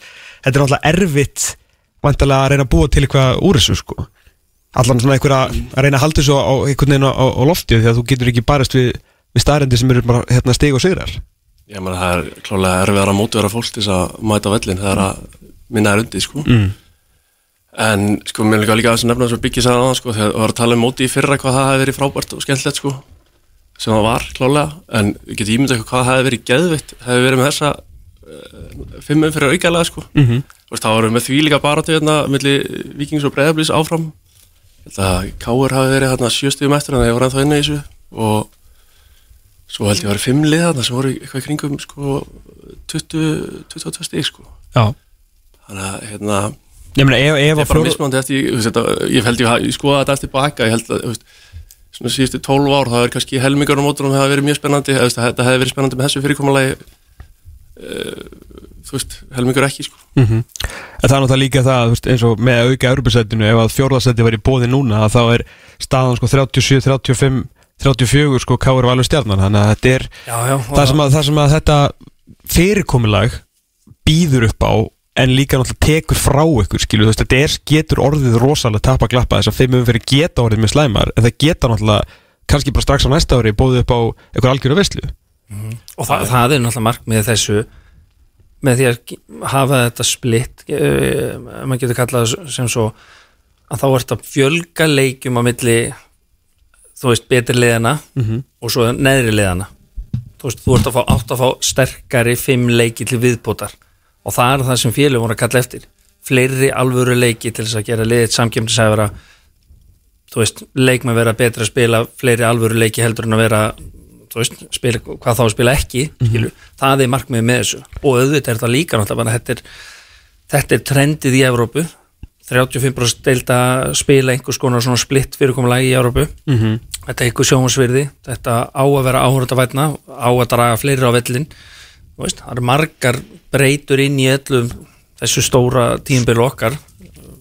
Veist sem við, erum, við erum ekki ánæði með hérna mætingun á völlin en það er bara verkefni sem við þurfum að, halda áfram og, og, og, og vinna með félagunum þetta er í grunni þannig að við sjáum að auglýsa deildina en svo er það svolítið félagan að draga þig á vikingsvöllin mm veist, við kynnum hvenna leikinnir eru og slis en svo er það félagan að- draga sína stundismenn inn á völli með, með sínu svona activity eða, eða hverju sem mátt kalla. Sko þegar ég, þegar ég líti á hérna, þetta þessar fimm aukaðum fyrir núna. Þessi tökum bara til dæmis tvo leiki sem er mér svona kristalla þessar, þessar, þessar tvískiptingu. Það er annars vegar Káur Valur um daginn ekkit undir 24 eða eitthvað í stúkunni skilur ef þetta hefði verið 20 stöðumferð og liðin verið í sama bulli þá hefur kannski séð 400 manns sem hefði verið, og allir hefði verið bara shit, það verið engin áhuga þarna. En að þetta var 20 og eitthvað umferð upp og ekki neitt voru 200 manns versus FVIA þú veist, í hádegin og mánudegi í þremu gráðum, þúsund manns af því að það var eitthvað undir. Þú veist, þetta er náttúrulega bæði kostur og gallin við þess að þá auka fimm leiki að áhörundutölunar geta náttúrulega orðað miklu yktari Já, já, klálega En þú veist, við meðum svolítið aldrei gleyma náttúrulega bara höfu markmiðinu með þessu sem er náttúrulega alltaf bara er að, er að fjölga leikjum. Já, já. og það er náttúrulega þú veist, við kannski hefum ekki sengið að sjá þess að hérna, stráka í stjörnunni á móti vingum daginn ef við hefum ekki verið með að fjölga leikjum. Mm. Það, það, er, það er svona aðal markmið en, en auðvitað verður þetta erfiðara fyrir okkur kannski í mínu starfi að reyna að mótivera fólk til að mæta völlin en svona að má aldrei gleyma af hverju, af hverju er að fara í þessa vegferð og það er alltaf fyrsta lagi bara til þess að fjölga leikjum til þess að við séum samkynnshæfari og, og má heldur ekki gleyma því að við erum auðvitað að taka inn uh, tölvöld meira af, af tekjum úr sjómasamningum og annað með þessari hérna, fjölgun leikja og ég held að það er mjög erriðt fyrir okkur að fara tilbaka og, hérna, og fá minni penning sko. Þannig að það er margt í þessu sko. Uh, ef við förum aðeins í það sem að fólki var að, var að senda inn og kannski byrja því sem að flestir á að tala um og nú síðast bara allir nánast allir leikmennir sem að morgunblæðið hérna, tók viðtal við hérna, í deildinni á, á dögunum í, í mjög fytning reyn þar að það eru mikill, allar hjá leikmennunum var svona virtist vera þokkalug konsensus um að sé bara fínt að spila fleiri leiki en uh, þeir hafa þeir og áhörundur afskaplega takmarkaðan áhuga því að spila svona langt inn í oktober er það að keira þetta að hraðar í byrjun, ég veist samt ekki hvort það sé hægt eða bara byrja fyrr og enda fyrr, er, Já. er, er það möguleiki? Já, það, það er ekki hægt að spila sko þjættar Nei, nei, nei, en, en bara byrja fyrr Já, og eins og aftur ég sagði sko, tímbili í ár var sérstakt út af þessum löngu klukkum og við vorum svona það, það svona hafði mikil áhrif á hvernig við gáttum ræða móturinn niður við erum byrjað að ræða móturinn niður núna með hérna, með mótastjóra Kási, Birki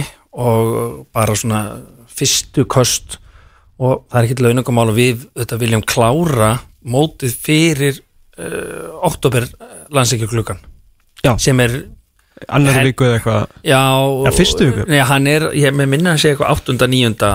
oktober Já, Það væri svona okkar uh, það er okkar markmið og svo er það svolítið skrítið þú hefur farið svona ræðinni móti og þetta er eitthvað sem ég hef aldrei gert áður en ég fór í þetta starf.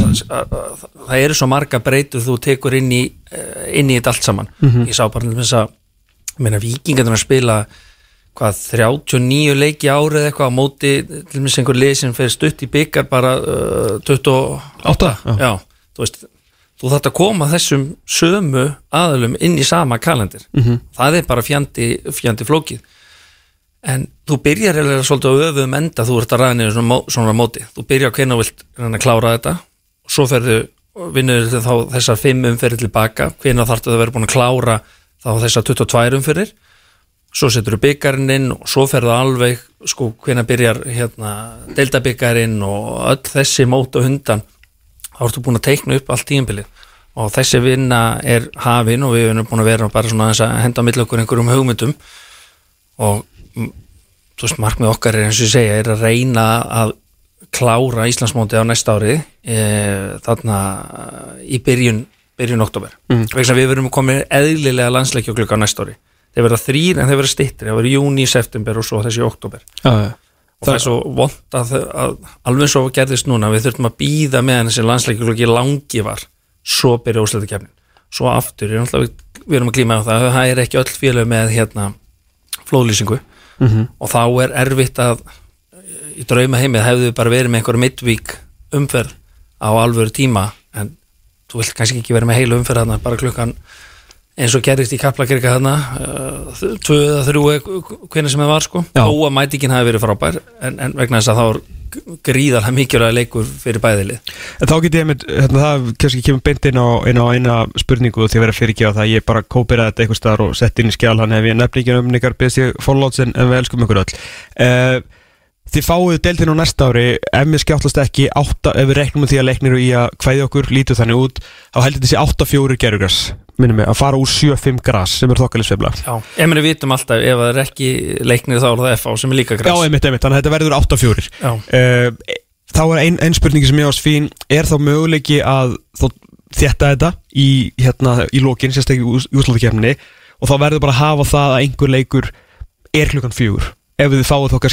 þá kannski, tveir leikir eru klukkan, eru bara klukkan fjögur. Á móti fáið þið fjóra leiki á miðvikudegi klukkan 9.15 Já, ég, sama í upphæðinu þú veist, við getum þá leikið okkur aðeins betur með að, við hefum alltaf látið Íslandsmóti hefjast á hérna á gerðargrassi og ef við erum komin núna með meirluta, í ár voru bara var þetta hérna 6 og 6 að þá ættu við að vera í svona betur stakk búnir að vera eitthvað sem fyrstu tværum fyrir þar engöngu á gerðargrassi Mhm. og svo í þriðjum fyrir þá mötu græsliðin komin aftur, þetta er ekki dákveð, þetta er bara svona einhver svona í einhverju samtali sem við erum svona að- skoða og byrkir er að setja upp og, og hérna eh, þetta gefur okkur augljóslega svona mm, hvað getur sagt meiri möguleika hvað þetta var en svo aftur á móti sáu það eins og þú nefnir þennan eh, FH íaleik að þegar eitthvað mikið er undir þá mætir fólk. Þú veist, og félögin eins og í því tilviki gerði vel. Já, veist, og ég, þannig að leið og þú hefur einhver að keppa Mhm. og þú veist við sjáum líka bara, uh, svo við förum aftur hans í, í fjölda árenda það hjálpar aldrei deildinni að félug sem hafa verið með uh, marga stöðningsmenn að mæta vellina áhörendur, FH, Valur KR þegar þeim gengur ekki vel þá hefur það mikið að segja um heildar aðsóknuna í, í mótunu Já, og breyðablika þarna tekur einhverja fyrstu tíu leikina eða eitthvað bara og, og slátrar þessu. Mhm. auðvitað litar það svolítið svona samkefnishefnina eða samkefnina í mótunu Hvað hérna rétt á henni að held áfram með, með spurningar uh, frá, frá fólkinu. Björsi, hvað svona hvað hefur þér fundist eh, erfiðast eða svona hvað er hvað með þú vilja laga hvað, hvað svona strax að bara hvað er á lista hefur nú þegar? Það er svo margt hérna, eh, Svona eh, Þú veist, fantasíleikurinn var Já, það komu nokkra spurningar um, Já, um það var bara klálega, bara hann var bara ekki nóg góður þú veist, það er bara uh, mann alltaf mætti á seint sem var alltaf umlegt til að byrja með. Og svo bara var hann ekki góður, nógu góður og þú veist, gögnin sem að við held, að, veist, sem var verið að sapna og ég heldum að vera nógu góð til að drífa leikin áfram eða okkur var sagt að vera nógu gott til að drífa hann áfram var bara alls ekki nógu gott. Um, það var svolítið svona það er ljómar eins og sem að búið til aðsakarinn hérna alveg hæri þetta var bara ekki vara sem okkur var seld.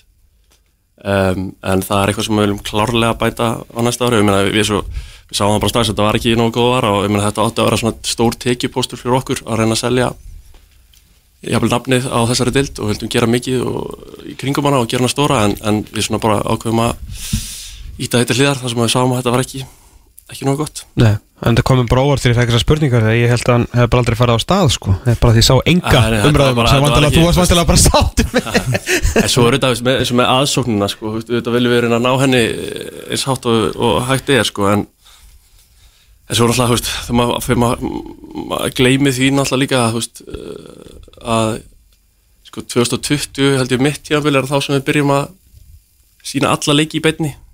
Veist, þannig að við hefum aldrei fengið COVID-lust tíðanbili þar sem allir leikir er í beinni. Og skemmtur að sjá svona hvernig það hefur áhrif á hérna, mætinguna og, og þetta fylgta öðru hluti sem hefur áhrif á mætinguna líka. Ég meina, fólk er aldrei fannst þú ekki rannsóknum það það er aldrei fleiri ferast erlendisbyggi hérna, enn í ár sko, veist, og veðrið ekki með okkur í liði og hérna og ýmislegt, en auðvitað uh, vil maður sjá mætinguna betri. Já. Uh, Fleira um eitt kannski varandi þetta var spurt um hérna annað sem er kannski þegar bara eftir að, eftir að vinni þannig að svona Twitter skýslunar, þú veist, skemmtilega skilur hérna kannski, jú kom bara nokkuð þægilega svona fljótlega fljótlega innan að fólk hatt sett þetta í hérna þegar sem að hafa áhuga því, svona sett þetta í, í samingi highlightin komin á YouTube og svona og það auðlist á Instagram, þannig að var svona eftir því sem að áleið tímbilið uh, bara fínustu hlutir en svona kannski uh, eins og ég, við hefum kannski rætt áður og þegar þú komið hinga og verið síma til um eitthvað svona þessi þessi hub fyrir deildina, það sé bara einhver, þú veist, þá einhver síða sem að, þú veist, bara dregur allt saman saman, þú veist, svona til þess að ja, deildin eigi sitt heimili. Já, bara klálega, ég meina við við settum nú í lofti heimasíðu sem að, hún er auðvitað ekki íbyrðað mikil, Nei. en það er samt í fyrsta skipti sem að hefur gerð heimasíða fyrir þessa deild. Um, en markmiðið þar auðvitað er að við, hún muni stækka töluvert og, og helst getur bara klikkað á hérna Káur Breiðablík annar umferð og þar farið skýsluna og highlights og fleira. Já, þannig að svona að þú uh, í sögulegi samingi verður hún kannski líka svolítið sterk og getur verið að fara einhver ár tilbaka og fundið hérna alls konar konar gögn og highlights og annað. Mm Það er ekki sem við eigum líka þessi, þessi gögn. Þú veist, að það verður lítið mál þegar þeirri þegar þessi síða verður komin up and running svona eins og við viljum sjá hana, þú veist að þú getur verið með þetta allt þarna.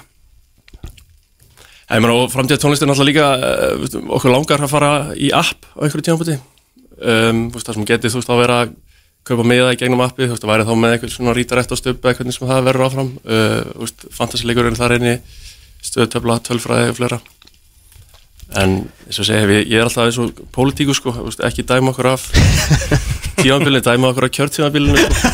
þetta er svona þannig Hvað, hvað er það langt? Hvað er fyrstu þessa er, erum við ekki að tala um það síðan fimm ára sækuleg þannig að allir þessi réttindi sko. Hvað er fyrstu þessa línu?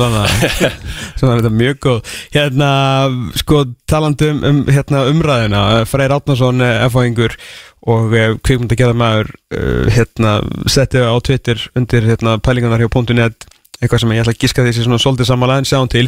Hann segir eina neikvæða við þetta. Hann er greinlega mjög ánægð með þetta Freyr Átnason uh, eina neikvæða fyrir utan það að blíkarnir klára þetta allt og snemma. Uh, er hvað uh, þetta gefið mikið nöldur um plattform sem er enda á við um allt í heiminum en allt í lagi. Eh, Hvaða annar geir í heiminum myndi tala sig jafn mikið niður úr íslensknaspinna þú talar ekki niður hlut og byggir við spennu fyrir honum samtímis. Það var náttúrulega sjálfsög ekki við ITF en ég ætla að giska að þið báðir vitið svona sirka bát hvert hann er að, er, að, er að fara. Það hefur ekki ríkt mikil jákvæðni og valla bara svona ekki, já, byrja að segja það bara jákvæðni fyrir þessu, þú veist að ég það er með fá, allan að fáir sem segja bara djöfis að snild er þetta. Eða, En það er, þannig er nú bara samfélagsmiðla sko. Og ef maður ætlar að fara að lifa eftir gildum þeirra Mm. bara blessa verður, bara glemdu hugmyndinu sko. Já. þú veist þannig að fólki sem er ánætt með þetta, jú, ég, þetta fer ég í sundlaugina og þá er eitthvað fólk sem er bara hrikal ánætt með þetta. Já, en, en, fæstir, en, fæstir af þeim eru sko að að bomba þinn á Twitter og þú veist, En nú er hann að tala um geiran og það er ekki langt síðan að þú veist Ólafur Jóhannesson ráð sigurverið stærstanafni í deildinni sagði að nýja varan ykkar veri umurleg já, já. Ég, ég veist náttúrulega alltaf mjög sérstakt þegar sko aðilar innan hreyfingarinnar Mm. veist, innan félagana og fleira sem er sér að gaggrina það sem að þetta er ekki þetta er ekki projektið mitt og bjössa persónlegt, sko, nei, nei. skilur við, þú veist, Þið bara vinnið þarna, Já. bókstaflega. við erum að vinna fyrir félagin að, að hvað getur sagt, að framkvæma þetta allt saman mm. og, og hérna svo höfum við okkar skoðunir á hinn og þessu og, og, og fleira en þetta er bara þannig að hérna, maður má aldrei fara að festa sig í einhverju einni umræð á Twitter sérstaklega vegna þess að það er lítill hópur, hann er öflugur hópur. Mm. Twitter er minn miðill þar fylgist ég með fréttum og, svona, og minn uh, þjóðfélagsmiðill sko. En, en hérna það þarf að svona, maður þarf bara að geta verið með svolítið breytt bak og svona tekið fullt af punktum. Og við vissum það allir bara og öll sem komum að þessu og þá eruðu einhverjir nökarar og það eruðu einhverjir hluti sem við þyrftum að, að laga á leðinni -hmm. og það er bara eins og öllu að þú ferð það bara, hey, ok, þú ætlar bara betur um bæta þetta næst, mm -hmm. ferð í gegnum þetta og hlustar á það sem fólk hefur að segja vegna þess að auðvitað er áhörundur er okkar, er okkar kunni mm -hmm. klubbarnir er okkar kunni leikmennir er okkar kunni við þurfum að taka öll þessi sjóna við þarna inn og reyna svo að setja þetta þannig upp þannig að allir séu eins ánæð þú far aldrei alla 100% ánæða mm -hmm. það er bara þannig uh, Einn spurning hérna er uh, er hægt að spyrja, já, fyrir hvern er fjölgunleikja, við kannski erum raun og veru búin að svara því, en alltaf raun og veru grunninn fyrir leikmennina. Eigur þetta tekjur deildarna nægilega mikið og er planað að gera vellina þannig, sem settina svega flóðljós, að hægt sé að spila á betri tím, þannig að við byrjum bara á eigur þetta tekjurnar og eru þið að setja einhvern jákvæðan þrýsting á að félagin er slánt og þannig að er þetta líka oft bara snýst um bæjarfélagin ITF getur vantilega Nei, við getum ekki sem sko ITF er undir KSI mm. það er leifiskerri KSI við vinnum náttúrulega mjög náðu með KSI allt sem snertir okkur og það hefur verið mjög svona mikil umræða innan, innan okkar hreyfingara að við þurfum að setja inn í leifiskerfi að sért í efstu deilt á þartu að vera með flóðljós mm -hmm. en það er ekki eitthvað sem sko ITF að KSI segir einhverjum að gera heldur það þarf að vera einhver sko þryggjára áallun og klubbarnir fara að tala við sitt nærumhverfi, sveitafjöluðina eða borginna eða hver sem á í hlut mm -hmm. Og fara þá að setja þá vinnu í gang. Og það er eitthvað sem við viljum gera. Og það er allir meðvitaður um það. Einhverjum þetta tekjur, já. Samningar eru byggður að svolítið að fjölda leikja mm -hmm. og hvernig þú skila þeim til þín. Sama bara um bara umfangi, ég meina við erum að lengja deildina, við erum, við, það var líka annað í, í sem starfsópin hérna skoðaði var allir klúpatir með leikmenn og þjálfarar og launum í 12 mánu ári, en þú vorst bara að spila hérna einhverja 5 mánuði eða sko 4,5 mánuð þetta uh, því ég fór sko, skoða tilbaka og við vorum að byrja tímbilsum 20. mæ hérna fyrir einhverju 10-15 ára síðan sko. mm -hmm. þannig að við vorum mjög stutt tímbil eins og stum alla, alla samninga eitthvað 12 mánu eða og 24 mánu og 36 mánu mm -hmm. þannig að já, þetta er þetta skilar auknumtekjum og eru, eru félagin ána með þetta? Þú veist, nú bara getur við þetta sagt hvað sé viljið í vitni ykkur tveikja mann hérna, tal hér og þar en þú veist, hvað, hvað finnst þeir sem er ekki búin að tjá sig svona utafrá? Hvað, hvað eru þið að heyra bara þegar þeir kiki kaffi eða þið hitti, hitti menn? Ég myndi segja bara lang flestir eru ánaðir sumir hafa einhverjar svona, svona eru ennþá smá óvissir en er ekki er ekki á mótu en eru bara ekki hlindir endilega svona splitt formati. Mm -hmm. og ég skil það bara uh, fullkomlega. Mm -hmm. en, en, en veist, þú ert í reyfingu þú ert með mörg félög hann inni. Veist, þetta er ekki bara efstudeldi sem tekur ákvörnum þetta heldur eru deildina fyrir neðan líka. Þannig að ég myndi segja meirlutin er mjög hlindur þessu. Og tilbúinir í einhverju svona að pröfa þetta vegna þess að réttilega eins og þú nefndir á hann það er til dælu auðvöld að bakka tilbaka mm -hmm. eftir einhverju ári við sjáum herri, þetta er ekki það sem við viljum gera og við tölum við dönsku deltasamtökinu og spurðum hvers vegna þeir fóru þeir voru tíu svona þrýr, þeir fóru upp í 14 og fóru svona í 12 alltaf þetta, hafði þetta sína rástafar af hverju þeir voru að ringla svolítið með þetta mm -hmm. þeir eru mjög ánæði með hérna, sitt fyrirkomali í, í, í dag Þeir eru með tvískiptingu Já, Já. þeir eru með nefnum að þeir bara er með tvöfaldumferð Tvöfalda eftir tvískiptingu Já. Og getur næstalið þar fengið, þeir fá Evrópu ekki, eða Evrópu séns Já, ég, þeir er náttúrulega með, ég held að þeir sem er 5 Evrópu seti Já, já svo er það náttúrulega já, já. Þannig að ég held að það verður ekki þannig að sjötta seti hjá okkur, sjönda seti hjá okkur nefn að það verður fjölgað með Evrópu seti en, en það er bara svona fabulur eitthvað. Hvað hérna uh, hvað ætlaði nú að koma að uh, líka, já, tal, talandu um það veist, fyrir þá sem að halda að það sé nokkur lifandi séðans að vera bakkað tilbaka strax á næsta ári þú veist, þið getur glemt því því þeir eru fyrir utan það að vantilega vilji þið og félögin og kási gefa þessu séðans að þá eru þið vantilega líka búin að selja þetta til einhverja ára, það hlúti að vera einhverjir bara fjárhæslir hagsmunir, bundnir. já, já, já, og þetta var allt saman kynnt fyrir félaginu sín tíma þegar við erum að gera samlingan var, við fórum í útbóð að því gefnu að Hva, Hvað er þetta langt? Sem þetta verður pottið? Samningarnir okkar er 5 ára en auðvitað getum við breytt á, á hérna, við getum breytt mótafyrir Er það? Já, já, já, já en, En er það það myndi þá, einhverjur- þeir eru bundnir bara við fjölda leikja Já, já, bara ok, ok, fækka ok. leikjum En þá bara leikjum. peningurinn. já, Já. þá bara verður breyting en auðvitað myndi alltaf sittast niður með sjónsrétt á honum og, þeim og þú finn, mynd, mynd bara finna einhverja, einhverja lausn á því Taldum hérna uh, sjónvarpið, fótbolti í sjónvarpið er náttúrulega svakalega stórt skipt miklu máli. Uh, Ein uh, spurning sem barst eða svona, hvað var að segja, ábending, uh, pæling. Uh, Mér fannst uh, upplifurinn af, hérna, ég segi bara, þú veist, umfjöllun stötu sport bara í heldina mjög góð, mikil, mikil stúdíu umfjöllun og stóru leikjunum almennt gerð góð skil. En í grunninn fannst mér lítil já, lítil, sagt, lítil breyting á því að horfa á deildina í sjónvarpi upplifunin var nána svo sama og síðustu ár en flott er að fjögur K-myndavelin kom inn sem er svo sem bara stöttu sport að gera vel í, í því segi á, á, á hérna á slóma kamerunni skilur þú hvað þessi lustundur að fara? Um, já, ég meina það er kannski rétt að það hafi kannski ekki verið mikið svona við höfum alveg talað fyrir því og við höfum alveg kannski viljað hafa eitthvað annað stúdíó, bara eitthvað aðeins meiri breytingu. En auðvitað það var alltaf bara samtal milli okkar og, og stöðusport hvernig það er hverju sinni. En alltaf rétt að hann ræðu því bara, veist, hann alltaf sendir þetta út. Já, já, já, en segir svona að við getum, við, við getum haft kannski reynda að hafa eitthvað áhrif á það. Já, já. en, en, en í enda dagsins er hann alltaf oftast eh, bara rétt að hann sem ræði því hvernig hann, hvernig hann stýr, stillir þessu upp sko. En það, er- en það er algjörlega sko, eins og maður, aftur maður vitnar í svolítið hvað deildinnar út er að gera algjört hagsmönumál fyrir okkur að vinna mjög náið með sjónsrétt á honum að byggja upp þessu vöru þetta helst algjörlega hendur. Við munum Það er alltaf vera mögulega bara orðið það mikilvægast í dag. Við, munum alltaf selja þessu vöru. Sín hefur hérna sint íslenskum fótbolt og íslenskum íþróttum gríðarlega vel. Og við viljum alltaf halda bara áfram þessari vegferð og aftur.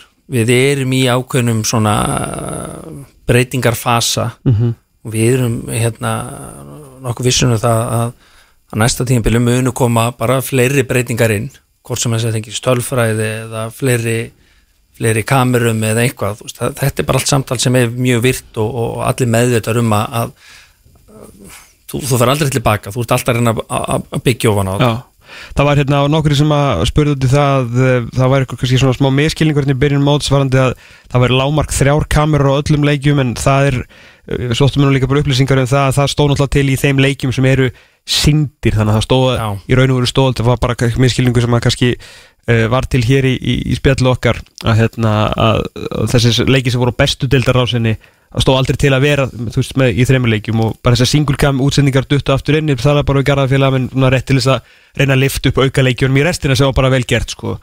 En, hérna, en það er En ekki auð, auðvitað það til dæmis eitthvað, það er ákveð verkefni sem við erum með ós núna í að fjölga svona, það, er projekt sem er í gangi að setja upp myndavilar á öllum öllum, þá væri hægt að vera með fleiri hérna, kamerur á öllum leikjum. Og það er okkar markmið auðvitað að, að, og það er líka markmið stötu sport auðvitað, að þú vilt, vilt sína, öllum, sína alla leikjana í, í, í, með sem flestum kamerum, þannig er það öllum deildum í kringum okkur.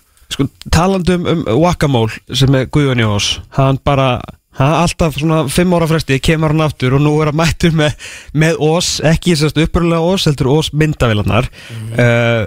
verður seint sagt að þetta hefur lukkast vel hjá Ós svona hinga til það sem hefur verið að reyna að gera. Þeir, þeir eru með lengjudöldina ekki núna allan takað upp fyrir hringbröð, eitthvað liti uh, og, og allt, allt í lagi sko. Við sjáum framleysluna á, á hérna, leikjunum í lengjadild Já, þeir eru sem sagt, að reyna að búa til og eru komnir langt með að þróa. Og það er ekki prófun á mándaginn í, í, í Víkingu KR að þeir verða þar með ykkur fimm eða sex vélar. Mhm.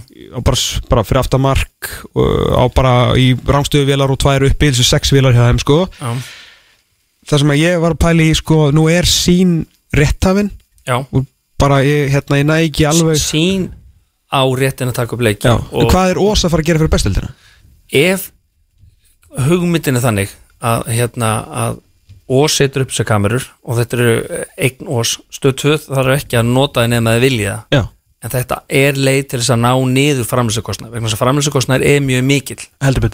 Og allstaðar erlendis eru svona fastar vélar sem taka upp leiki. Öll félug í dag eru með spídjókameru sem taka lí, líka upp leikina vegna þess að það er bara réttur klubbana að- þessi svo kallu skátingréttindi þetta er ekki veist, eh, þetta er ákveðið test case en þetta munur alltaf vera unni með rétt á honum.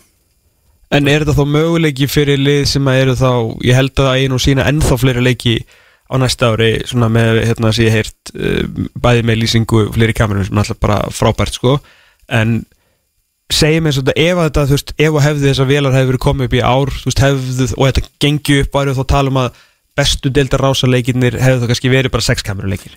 hugsanlega Já, þú veist, það er alltaf pælingin Já, í akkurat, Já, og já. meina fyrir sem taka þátt í Európa-keppni þau getur tekið upp leiki þarna fyrir sem uh, spila þarna í lengjubikar eða, eða hvaða móti sem er Já. gætur þú tekið upp leiki með alvöru brot, eða alvöru, maður er alltaf slett á ennsku hérna broadcast quality sko, sem Já. eru svona útsendingavélar að þá getur gert það með miklu læri tilkostnaði heldur en að fá stóran uh, OB-bíl Já. eða útsendingabíl með sko sex manna hérna, teimi að að tengja, leggja kapp út um allt hugmyndin er að reyna að minka þetta og þetta er allstæðir í heiminum verið að reyna að minka svona þessa, þessa, þessa dýru framleiðslu En hver er, þú veist, ef að það verður þú veist, fleiri leikir með fleiri kamerum á næsta ári, veist, hver er tilgangurinn?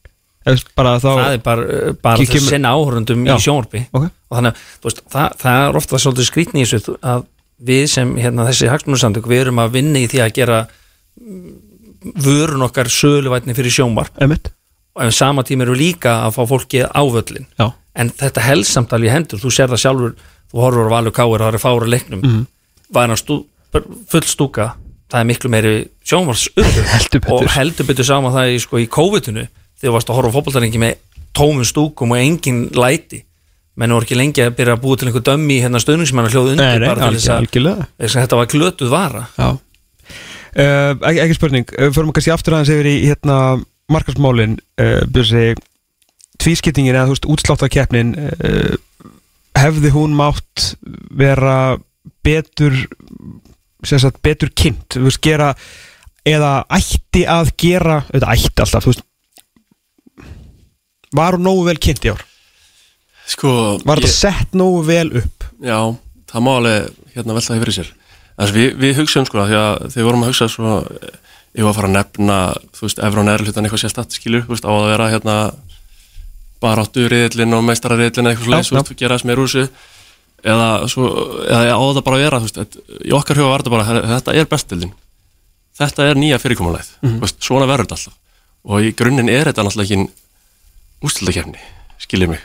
Nei, nei, nei, Þetta, er bara, þetta er bara núna bestadildin og einhvern veginn frekar á það að þetta væri bara efri hluti, neðri hluti, ekki einhvern veginn að að fara að búa til eitthvað annað brand og annað bestadildina ef að ég er að að gera mig skiljanlega já, já, en auðvitað er þetta bara svo nýtt núna að kannski hefur þurft að fara í einhvern meira átak í því veginn að koma þessu inn betur hjá fólki. Já, ég held að sér, menna, ég fekk mikið fyrirspurnum frá vinum okkur byggja hvernig verður þetta og, og við hérna við höfum um samband við stöð að- sem gerðu svona fréttir bæðinu vísi og, og fó- tóku þetta eins fyrir í, stúkunni, svona að reyna að útskýra þetta. Ég held að þú getur alltaf sagt þú hefði getið gert þetta betur. Þú Veist, en, en hérna en við vorum bara mjög öflur eh, veist, persónulega var maður mjög öflur að reyna, það, að reyna að svara fólki Já. hingað og þangað. Hvernig fyrirkomlega væri og svona og ég, alltaf þú kemur eitthvað nýtt þá er fólk sem er svolítið svona það, það, þú þarft að útskýra þetta beint fyrir mjög marga. Uh, Sjöundasætið komin okkur spurningar um það. Uh, hérna komandi greina að veita hérna peningavælun til sjöundasætið sinns uh, jafnvel krafa um að hópurinn sjálfur fengi hluta af því. Uh, það myndi vonandi íta undir áhugan hjá liðanum sem eru örug frá falli en í neðri helming. Þú verður einhver svona grunnspurningin þá að, að veluna, veluna sjöundasætið Já, þetta kom alveg til tals þegar við vorum að setja þetta upp í starfsóknum og þegar við fundum öllum félagunum þá nefndu við en ættu við að vera með eitthvað sérstatt uh, velunum fyrir þarna eða sérstatt samstagsagala fyrir sjöndarsætið en það einhvern veginn svona fór aldrei neitt lengra. Félagin voru einhvern veginn mm, ætlaði sér náttúrulega enginn að vera í þessu sæti. Þannig held ég þess vegna sem engi var svona eitthvað heyrðu við slum gera eitthvað þarna. pæling. Nei, nei, við erum ekki verið sjöundasætið Já, en, en það einhvern veginn fór aldrei neitt lengra. Og það varð aldrei einhver svona hvað getur sagt eh, einhver svona ráðandi hugsun eða, eða svona, þetta er eitthvað sem við þurfum að klára.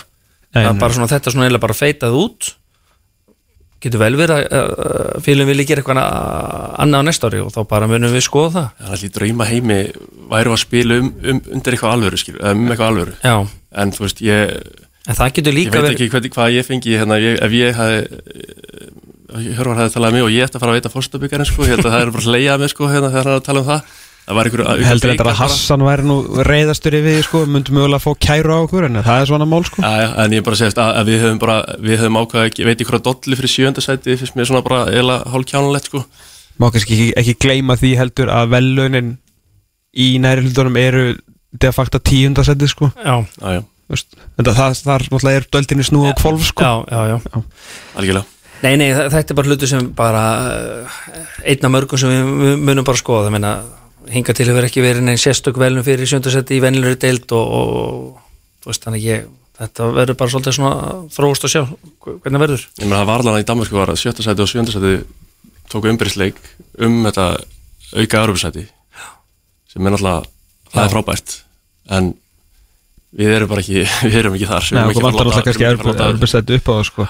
Herru, hér er einn eh, póstur sem er eh, áhugaverður. Margir var gaggrind leikja fyrir komalega í ústla keppni Þótti of langt á milli leikja Og allmörg Og hafa allmargir vilja spila þessi leiki þéttar eins og vorum að ræða hérna áðan. Uh, Ef einhverja kynnt sér mögulega ástæðu þess að leikja fyrir komalega er svona Er það því að ITF og KSI gerðu ráð fyrir því að Íslandsliði getur mögulega komist í reyðlakeppni sambandstildar Evrópu og þar lendi spila alla 50 dagi höstinni þeirri keppni. Mætti því úrslitakeppnin uh, sem sagt tvískiptingin vera lausari í sér það er staðfestir endalegir keppnistagar verða ekki ljósir fyrir en öll íslagsliði tryggja sér sæti í reyðlakeppni Európukeppnar eða detti út og ef öllu detti út um sumarið má þá ekki skoða að spila úrslitakeppna þéttar. Annars er ég mjög sáttu við þetta fyrirkomulag þó við blikar höfum reykt þetta mót og skemmt fyrsta árið þá verður mögulega meiri spenn á næsta ári. Gott reyndar að blikarnir séu að taka ábyrð Já, já, á að vera svona góðir. Ég fagna því. En, en sko, þegar þú ert að ræða niður sem móti aftur, þá gerum við þetta ráð fyrir því að félug fari eins langt og bara hugsa sketur. Við erum þetta ekki að gera ráð fyrir eitthvað uh, hérna, eitthvað félag það er þá bara eitthvað brjálaðslegt luxusvandamál að fara að stilla því upp. heldur fyttur Uh, og, og náttúrulega reyðilegkefni hefst líka setna þannig að þú veist, hún er hérna, hún er alltaf að spila midvík og Já. hún ætti ekki að vera neitt fyrir, hérna, fyrir okkur. En hérna við gerum alveg ráð fyrir því fyrir maður ræðinu yfir þessum leikjum að uh, Birki setur inn sko, herðu ok, við erum dotnir út úr þriðjumferð þá gætu við spila hérna, undaráslindi byggar hér og fleira þú, veist, þú ert alltaf svolítið með fljótandi og við sáum að bara í ár var að gera marga breytingar svona sem að, svona, að tvíka þessu til eða frá það var stjarnan vikingur sem var hérna þegar vikingur kom alltaf í ljós og vikingur átt að spila bara þriðið í Európa-kefni þá búið að gera allstað ráð fyrir þeir að spila á fimmtudegi Já, svo gerist það að þeir dragast á mútið liði frá Írlandi ég man ekki alveg hvar það var og þeir áttu ekki heima nema á þriðuti eitthvað sem þeir skiluði inn til UEFA og lág alltaf fyrir. En auðvitað lág ekki fyrir að vikingur eh, myndu spila móti þá var farið það að færa leikin og þetta náttúrulega hefði bara meira áttar eh, áhrif á okkar dild og þá var farið það að svissa allir með spikaleiki á viking við leik við stjörnuna. Svo viking var ekki að fara allt í um lendi í sko 120 minnum og vító rétt fyrir Európa-kefni Já. þannig að þetta skjal er mjög svona sveigjanlegt uh, eins langt og það nær fyrir félögin. En, en auðvitað þetta er ekki alltaf einhver sem er ofnbyr umræðu eða, eða er hérna eh, þú veist, þetta bara á sér svona samtala milli einstakra félaga. Já. Þannig að við já, ég Bara- bara man ekki þetta var svo, þetta var svo öflug spurning, ég bara man ekki alveg restin af sko. Þetta var svona mér minna sem vantaði sko. Bara rétt til þess að draga þetta saman því að við erum búin að snerta á þessu nokkru sinnum. Uh, Þið viljið klára þetta fyrir 8. oktober á næsta ári það var svona drauma scenarjó, Já. þannig að þið allan tæki stefnuna á það eins langt og þannig er við erum alveg sammála því líka þegar maður horfur á þetta núna að býða vik og milli leikja Já. mér fannst þetta, eh, þessi umfjöldin í mokkanum var frábær, fannst mér hérna með strákana já, með veist, og þeir þú veist, heilt í gegn, sáma það bara, heyrðu, þeir allir vilja spila fleiri leiki Já. þú veist, væri hægt að þétta þetta, væri það ideal en veist, þeir vilja bara vera út á velli Já. spila bara að finna það fresti það væri bara einhvern veginn rytmin sko. Já, ég meina þú getur rétt ímyndaðar æfingar hjá sem félög núna sko já, Þetta er ekki mjög gaman já sko og, og, og, og meina, þá hugsaum við bara, ok þá skulum við bara einbett okkur að fyrsta markmið er reyna að þétta þetta Já, einmitt, ok, þannig að það, það er alveg tekið til greina og rúmlega það Já, já, En já, já. stendur, hvenær byrjuðu við ár? Var það, Núna, við byrjum eitthvað meðan uh, 15. 16. 18. Já, það var eitthvað svolítið, það var kringum sömundaginn fyrsta þannig Gæti þetta verið fært framar? Já, já, Það er alveg sens já, já. Ok. Sérstaklega vegna þess að við erum með fleiri gerðgarslið Já. og gefið þeim meiri sveginleika En Ok.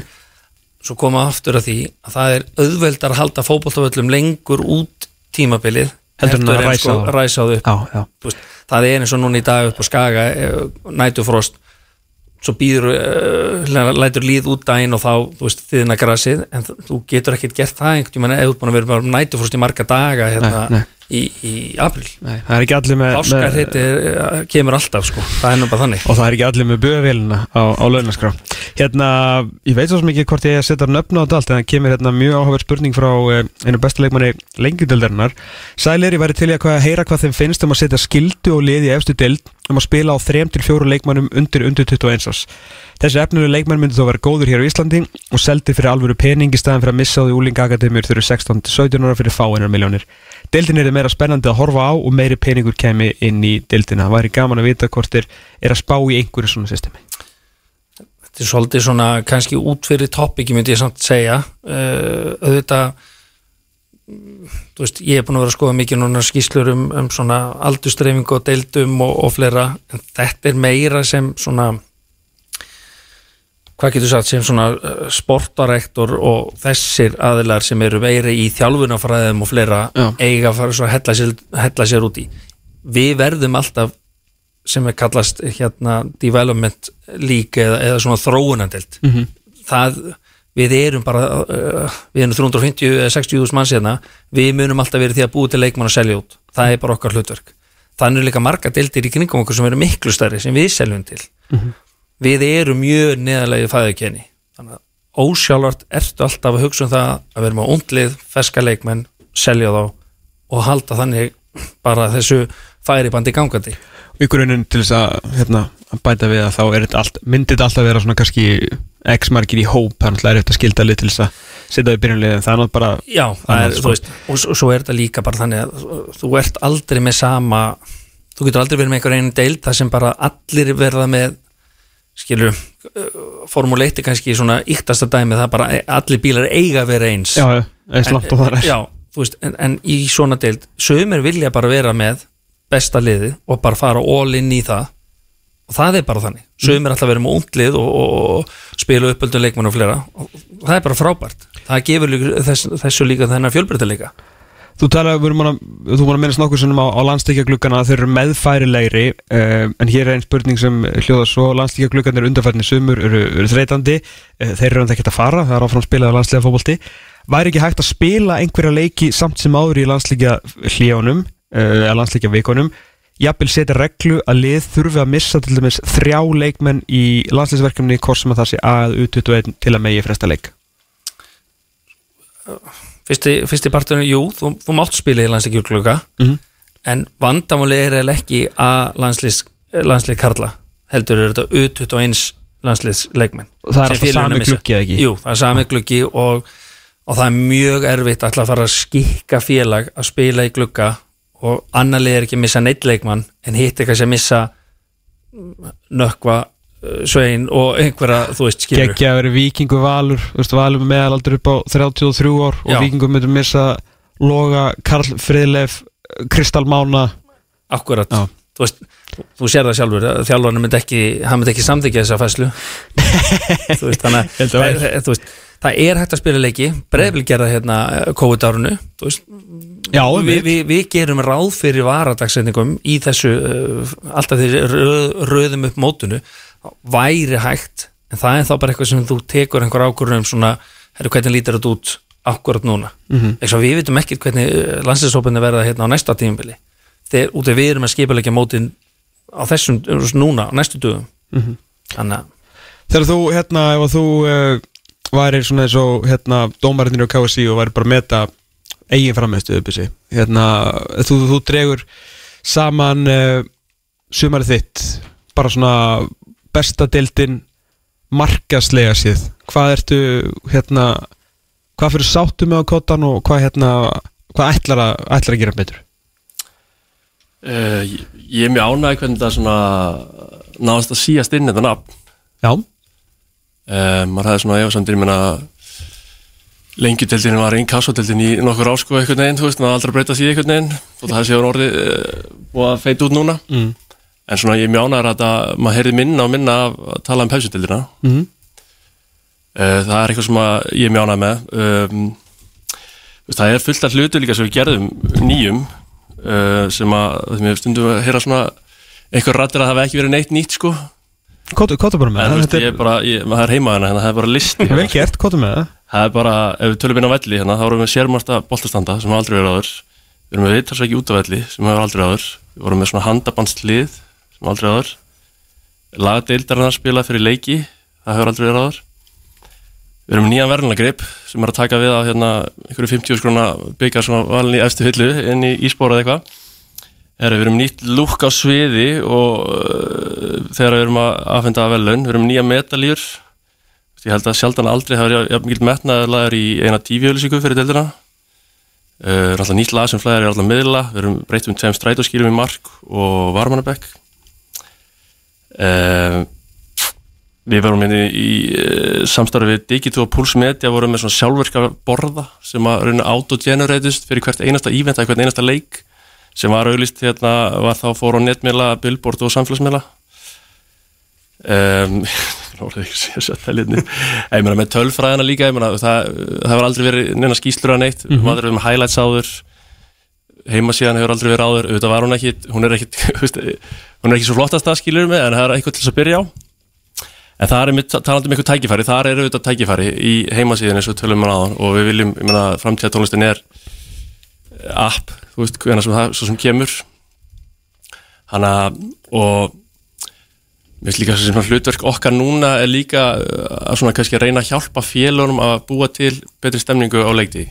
Þetta eru mörg félag búin að gera mjög vel en hérna en ég held svona að okkar hlutverk er kannski uh, svona að reyna að hjálpa þeim, þú veist, ITF getur keft hérna eitthvað umlegt dæmi tól hoppukastala hérna að gera svo vel eitthvað svo leys Mhm.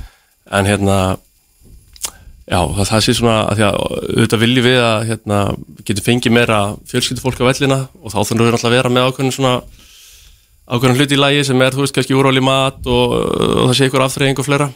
En er þetta sko, þegar nú voru við svona, ég og Elvar hvað helst að reyna að laga þetta enn dildinni fyrir nokkur, fyrir nokkur árum sko og, sem hefur gengið mjög vel. Já, þú klálega, veist, það er að fá eitthvað að býta og brenna allstaðar Já, einmitt, þú getur fengið nokkura úrvolamat og þú Já, getur fengið bjór og þú, þú veist, þetta er En orðið skiptir þetta, því ég fór bara að pæla um daginn hérna, út af mætinguna á eitthvað leik hérna, bara þú veist Þú veist, ég sé, ég teki eftir því að sko svona áhorndatölur sem voru einu svona bara alfa og omega í þessari del, sko, þau bara ekki svona alltaf settar inn.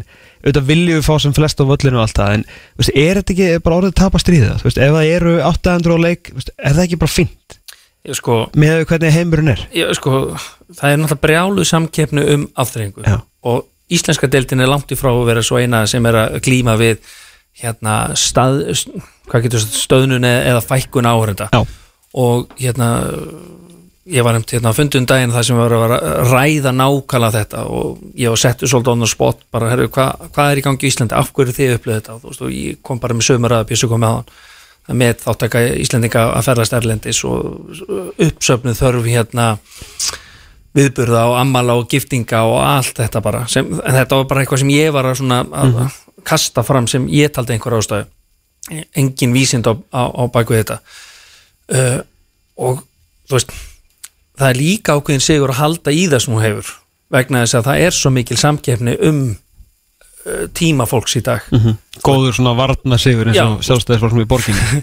Nei og meina ég, Pólitíkina minni. Já, nei, ég, var saman, ég fór á fundundaginn og þá var, hérna fekk ég kynningu frá Ísokiteldin í Sviss sem er nánast jafnstór og fótboltinn.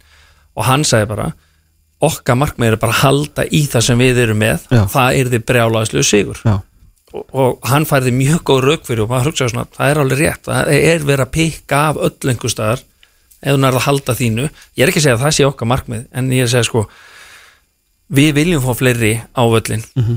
en það er bara eins og, eins og ég held að, síðust ár við erum að koma að vinna okkur úr þessu COVID ári ég tel okkur eitthvað inni Mhm. og, og vonastlega að við getum fengið fleiri á völlin vegna þess að það er bara það er ógeðslega skemmtilegt allir horfa á enska boltan og búndislíkun og allt þetta en þú getur þú veist, þinn heimavöllur er í Íslandi. Já, já. það er þitt lið sem þú getur farið og fengið pub og hitt vinna og, og, og allt þetta.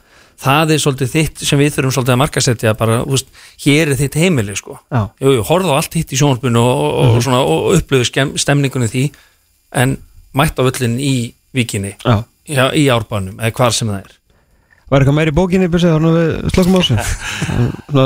Sekundur eftir. Er hérna Þetta er þykk hérna bók. Nei, nei, ég var bara búin að þess að Allt er gott að vera með heimaðan Já, það er rétt, það er rétt. bara, Það held ég en svona ætlum að draga einhvern lartum að þessu. Það er allir meðvitaðar, það er ekki gott að spila út óttubur Þá reyna að klára þetta fyrr Byrja þá mögulega fyrr Og svona, já, bara Allt sem við vorum að, vorum að segja, segja hér. Annars eh, náttúrulega bara er þetta Mót að klárast loksins Þannig að er bara undirbúinustíðinbili hefsti og ykkur drengir Bara strax og væntalega nú þegar byrjað. Eyjamenn eru konur yfir eru yfir gegn IBA1 sem sagt IA upp á Skipaska og Keflavík er að raskjalla leikni 3-0 í eh, árbænum. Þannig að eh, leiknir og IA á leiðinni niður bara eins og staðan er akkurat núna. Uh, Birgir Jónsson, Bjössi, takk kjærlega fyrir komuna gaman að fá okkur, til hann ekki bara með þessa deilt bara eins og hún fór í ár það var allan gaman að fylgjast með þessu það þó er ekki búinn, sko, þetta er já, það er veist, Þetta er búið actually í dag sko. Já, já. Nei, nei, það eru hérna einu hálfum fyrir eh, cirka bát Herri, við erum búinir í dag eh, Við verðum inn aftur eftir 6 og 22 tíma Þanga til verið sæl